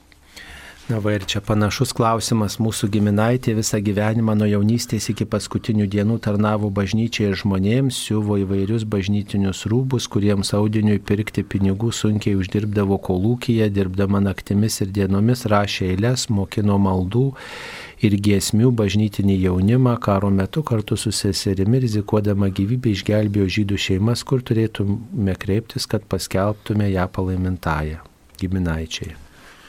Iš tikrųjų, pirmiausia, jau turbūt reikėtų žinoti, kad e, ji tiek, tiek daug darbų e, padariusi bažnyčioje e, jau Dievo akise yra šventoji ir palaimintoji. Taigi drąsiai jūs, jūs turėkit minti, kad turite užtarėją, turite galingą užtarėją ir kartais vat, vienos šeimos noro troškimo e, nepakanka, reikia e, surinkti ir nemažai parašų iš, iš parapiečių, juos nuvežti vyskupui ir vyskupas turi gauti atitinkamą e, Vatikano leidimą. Tai, tai iš tikrųjų raginčiau, kad jau jūs dabar pradėtumėte tiesiog, tiesiog tikėti, kad jūsų E, jūsų močiutė, jūsų e, žmogus jau yra dangiškojo tėvo prieglopstyje ir, ir dangiškasis tėvas dosniai mus apdovanoja savo šventumu. Matot, yra dar toks dalykas kaip šventumo garsas, ar ne, kad turi vis dėlto nuvilnyti tam tikrą šventumo garsas, pasklisti po parapiją, po viskupiją, po kraštą, kad štai tas žmogus tikrai buvo švento gyvenimo žmogus. Kaip pavyzdžiui, mirė palaimintasis Jurgis Matulaitis, kurio mirties dieną netrukus minėsime, tai jau per laidotuvę žmonės sakė, jis yra šventasis, jis tikrai yra švento gyvenimo vyras. Ir, ir tas šventumo garsas, vat, ten, kuris dirbo, kuris gyveno, gyveno, tose vietovėse jisai plito, žmonės kalbėjo apie tai, eidavo prie jo kapo melstis, prašyti malonių, užtarimo prašyti. Tai Tai tiesiog vat, tas šventumo garsas taip ir Vilnyje tiesiog yra žmonių, kurie domisi jo istorija, to žmogaus, taigi taip turėtų būti ir su kiekvienu, kurio, apie kurio gyvenimą galvojama rinkti medžiagą ir štai skelbti palaimintuoju. Tai pirmiausiai turbūt reikėtų surašyti to žmogaus gyvenimo visą istoriją, kuo smulkiau, e, surašyti atsiliepimus apie jo, kas jį pažinojo, čia surinkti daug medžiagos. Nu, vat, nuo to prasideda ir tai net jeigu ir nebus tas žmogus paskelbtas palaimintuoju, bet bus, reiškia, nuvadžinė apie to švento gyvenimo žmogų surinkta.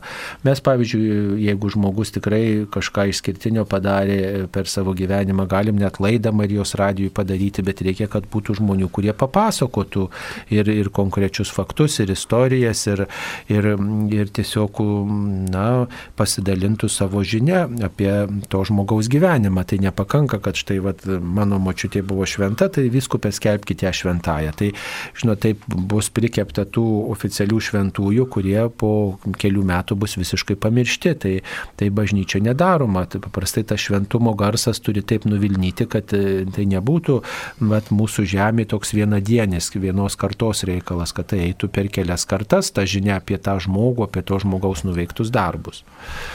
Mm, taigi, Dar viena žinutė. Ar galima Jėzaus Kristaus vardu įsakinėti piktai dvasiai atsitraukti? Tai jeigu jūs susidurėte su tam tikrom pagundom, tikrai persižegnokite ir kartokite Jėzaus vardą, melskitės um, ir e, galite taip pat ir švestą vandenį naudoti namuose ir pasitarkite su kunigu ir aplinkybės paaiškinkite, kokiom aplinkybėm mm, ta piktoji dvasia jūs atakuoja, kas ten yra konkrečiai. E, tai visi mes su tom pagundom susidurėme ir malda yra ta pagalba, kai mes, e, kai mes stengiamės tiesiog rinktis Dievą, atmesti piktąjį. Ar katalikui atsidėkojimas medikams už sveikatos priežiūrą būtų nuodėmė? Iš tikrųjų, kaip mes e, atsidėkojame, mes galime iš tikrųjų e, už gydytojus, pavyzdžiui, sakyti šventasias mišes, mes galime gydytojų, taip sakant, nepeikti, nes, nes dabar, kai pasiskaitai kokius nors E, tenai straipsnius ir atsiliepimus, tai toks ir toks, taip į mane pasižiūrėjo, taip, e, taip nepagarbiai priėmė ir, ir ko gero e, gydytojui pati nuoširdžiausia padėka yra mūsų šypsena, mūsų, mūsų geras žodis, pasakymas ačiū. Žinoma, kartais, kartais galbūt ir kokį suvenyrą įteikti mes, mes galime, tačiau nuodėmė bus tada, kada tas, ta, tas suvenyras, ta, ta, ta dovanėlė e, bus kaip priemonė puikybė arba bus, e, bus kaip priemonė, kad vat, tu man davėjai, dabar kitą kartą reikia duoti du kartus tiek. Tai, tai visada stenkimės e, išlaikyti tokį viduriuką, kad kito žmogaus neįveltumėm į, į, į puikybę. Kodėl kanos įvykiuose minimi net šeši apsiplovimo indai galėjo būti ir septyni, jei matuotume, kad savaitėje septynios dienos? Tai sakyčiau labai praktiškai minimi tiek, kiek tuo metu ten buvo. Na, matot, čia yra dar tokia simbolika kitokia. Čia ne su savaitės dienomis reikėtų sieti, kad kiekvieną dieną vis iš, iš kito indo praustis, bet čia daugiau tokia simbolika su tuo, trū, su to nu, nepilnatve šeši skaičiai, tai yra tam tikras, šeši, skaičių šeši yra tam tikras e, trūkumo toks nurodymas, kad dar trūko kažko iki pilnatvės ir Jėzus yra tas, kuris tą trūkumą užpildo. E, tai daugiau užuomina į Senąjį testamentą, į Seno testamento papročius, kurie dar buvo netobuli, o štai Jėzus atėjęs tą netobulumą pripildo savo malonę, savo tuo stebuklą stebuklu ir jis tiesiog pranoksta, pranoksta. Tai reiškia ne tik tai, kad jie pripildomi tie indai, bet jie pripildomi ne, ne, ne vandeniu, o vynu, reiškia džiaugsmo, bendrystės simbolių, reiškia Jėzus ateina kaip bendrystė, Dievas ateina parodyti savo artumą kiekvienam iš mūsų. Štai taip reikėtų tą vietą suprasti. Mm, Taip, mm, pakomentuokite, prašau, Suomijoje pradėtą bylą ir būsimą prasidedantį sausio 24 dieną parlamentarės krikščionės teismą. Internete yra peticija, reikėtų pasirašyti. Iš tikrųjų, ką tokios, to, tokie atvejai mums primena? Mums primena, kad e, net ir 21 amžiuje krikščionys e, bus persekiojami ir bus persekiojami labai e, subtiliai, net kokio nors veiksmo nepadarę, tiesiog pacitavę Biblijos eilutę, kažkam tai nepatiks, kažkas galės, galės įskūsti, kažkas, kažkas galės tai palaikyti kokiu nors nusikaltimu, teisų pažeidimu ir taip toliau. E, mes e, krikščionys ir esame tam kaip bendruomenė, kad vieni kitiems pagelbėtume ir tikrai e, kaip solidarumą su tą moterimi mes galime, jeigu turime galimybę internetinė, internetinėje erdvėje esančią peticiją pasirašyti. Taip, ką, kur galima daugiau sužinoti apie Arkangelo Mykolo stebuklą, ar apie tai parašyta šventajame rašte, ką stebuklas gali reikšti?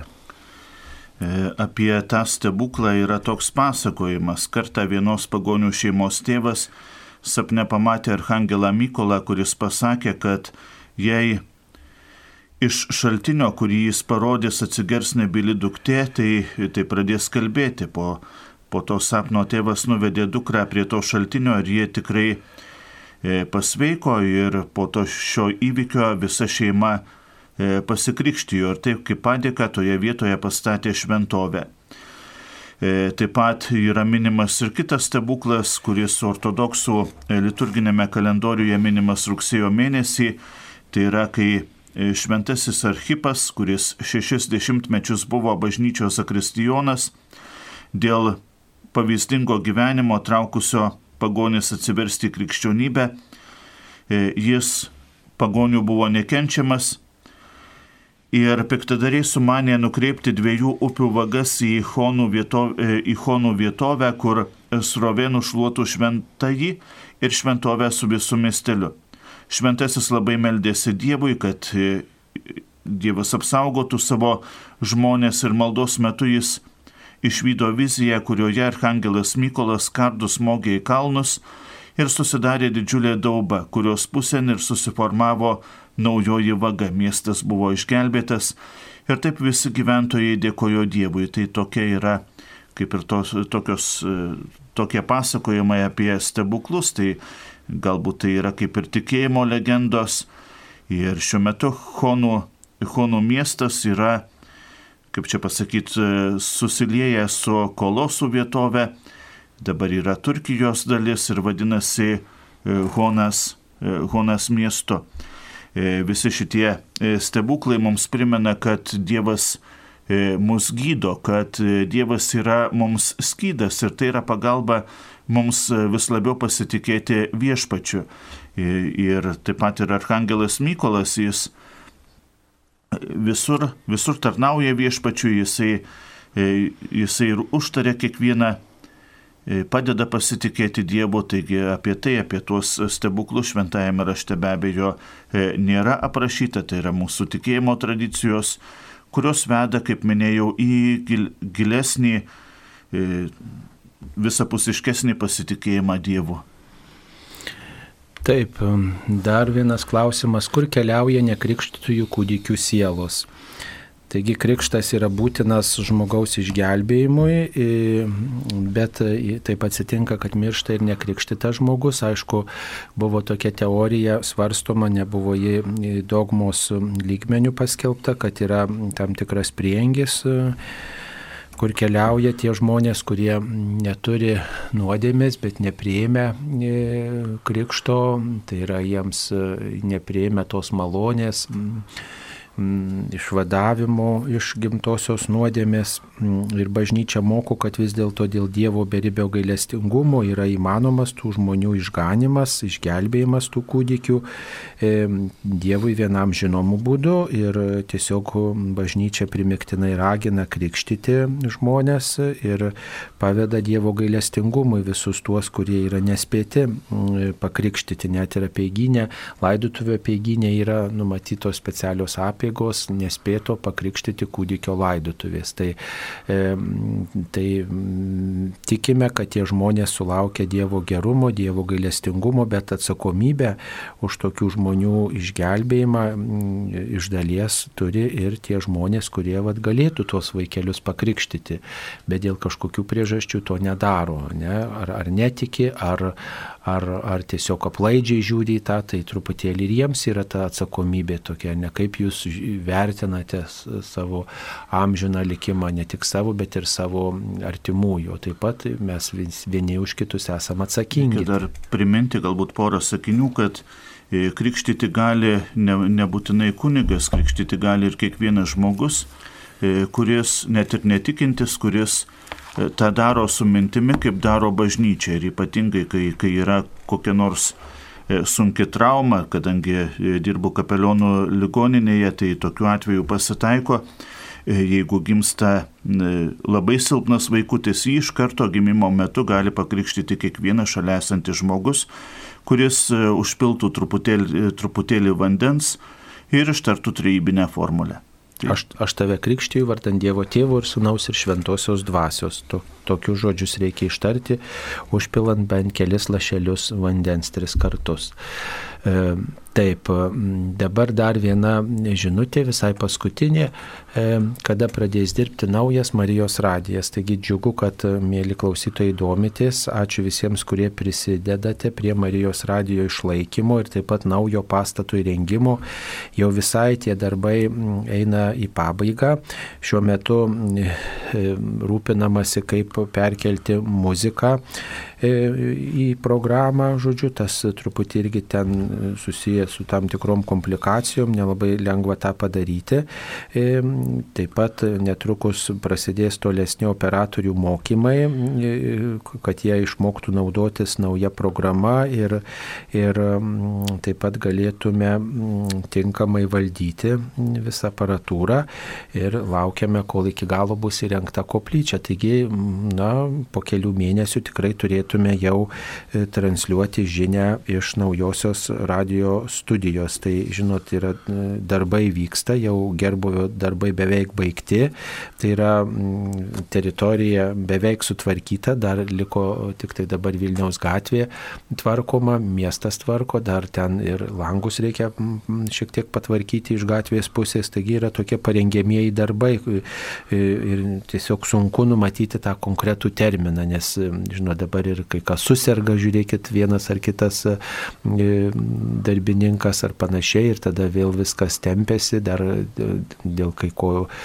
kalbamasi, derinami kai kurie dalykai, taigi visur šiek tiek užtrunkame, bet turime vilti, kad pagaliau galima bus darbus pradėti naujoje studijoje. Jau pamažu įvairius daiktus ir knygas nešame į naująją studiją, taigi jau prasidėjo pamažu tie kraustimosi darbai, bet viskas šiek tiek užtrunka. Ačiū visiems Marijos radio klausytojams.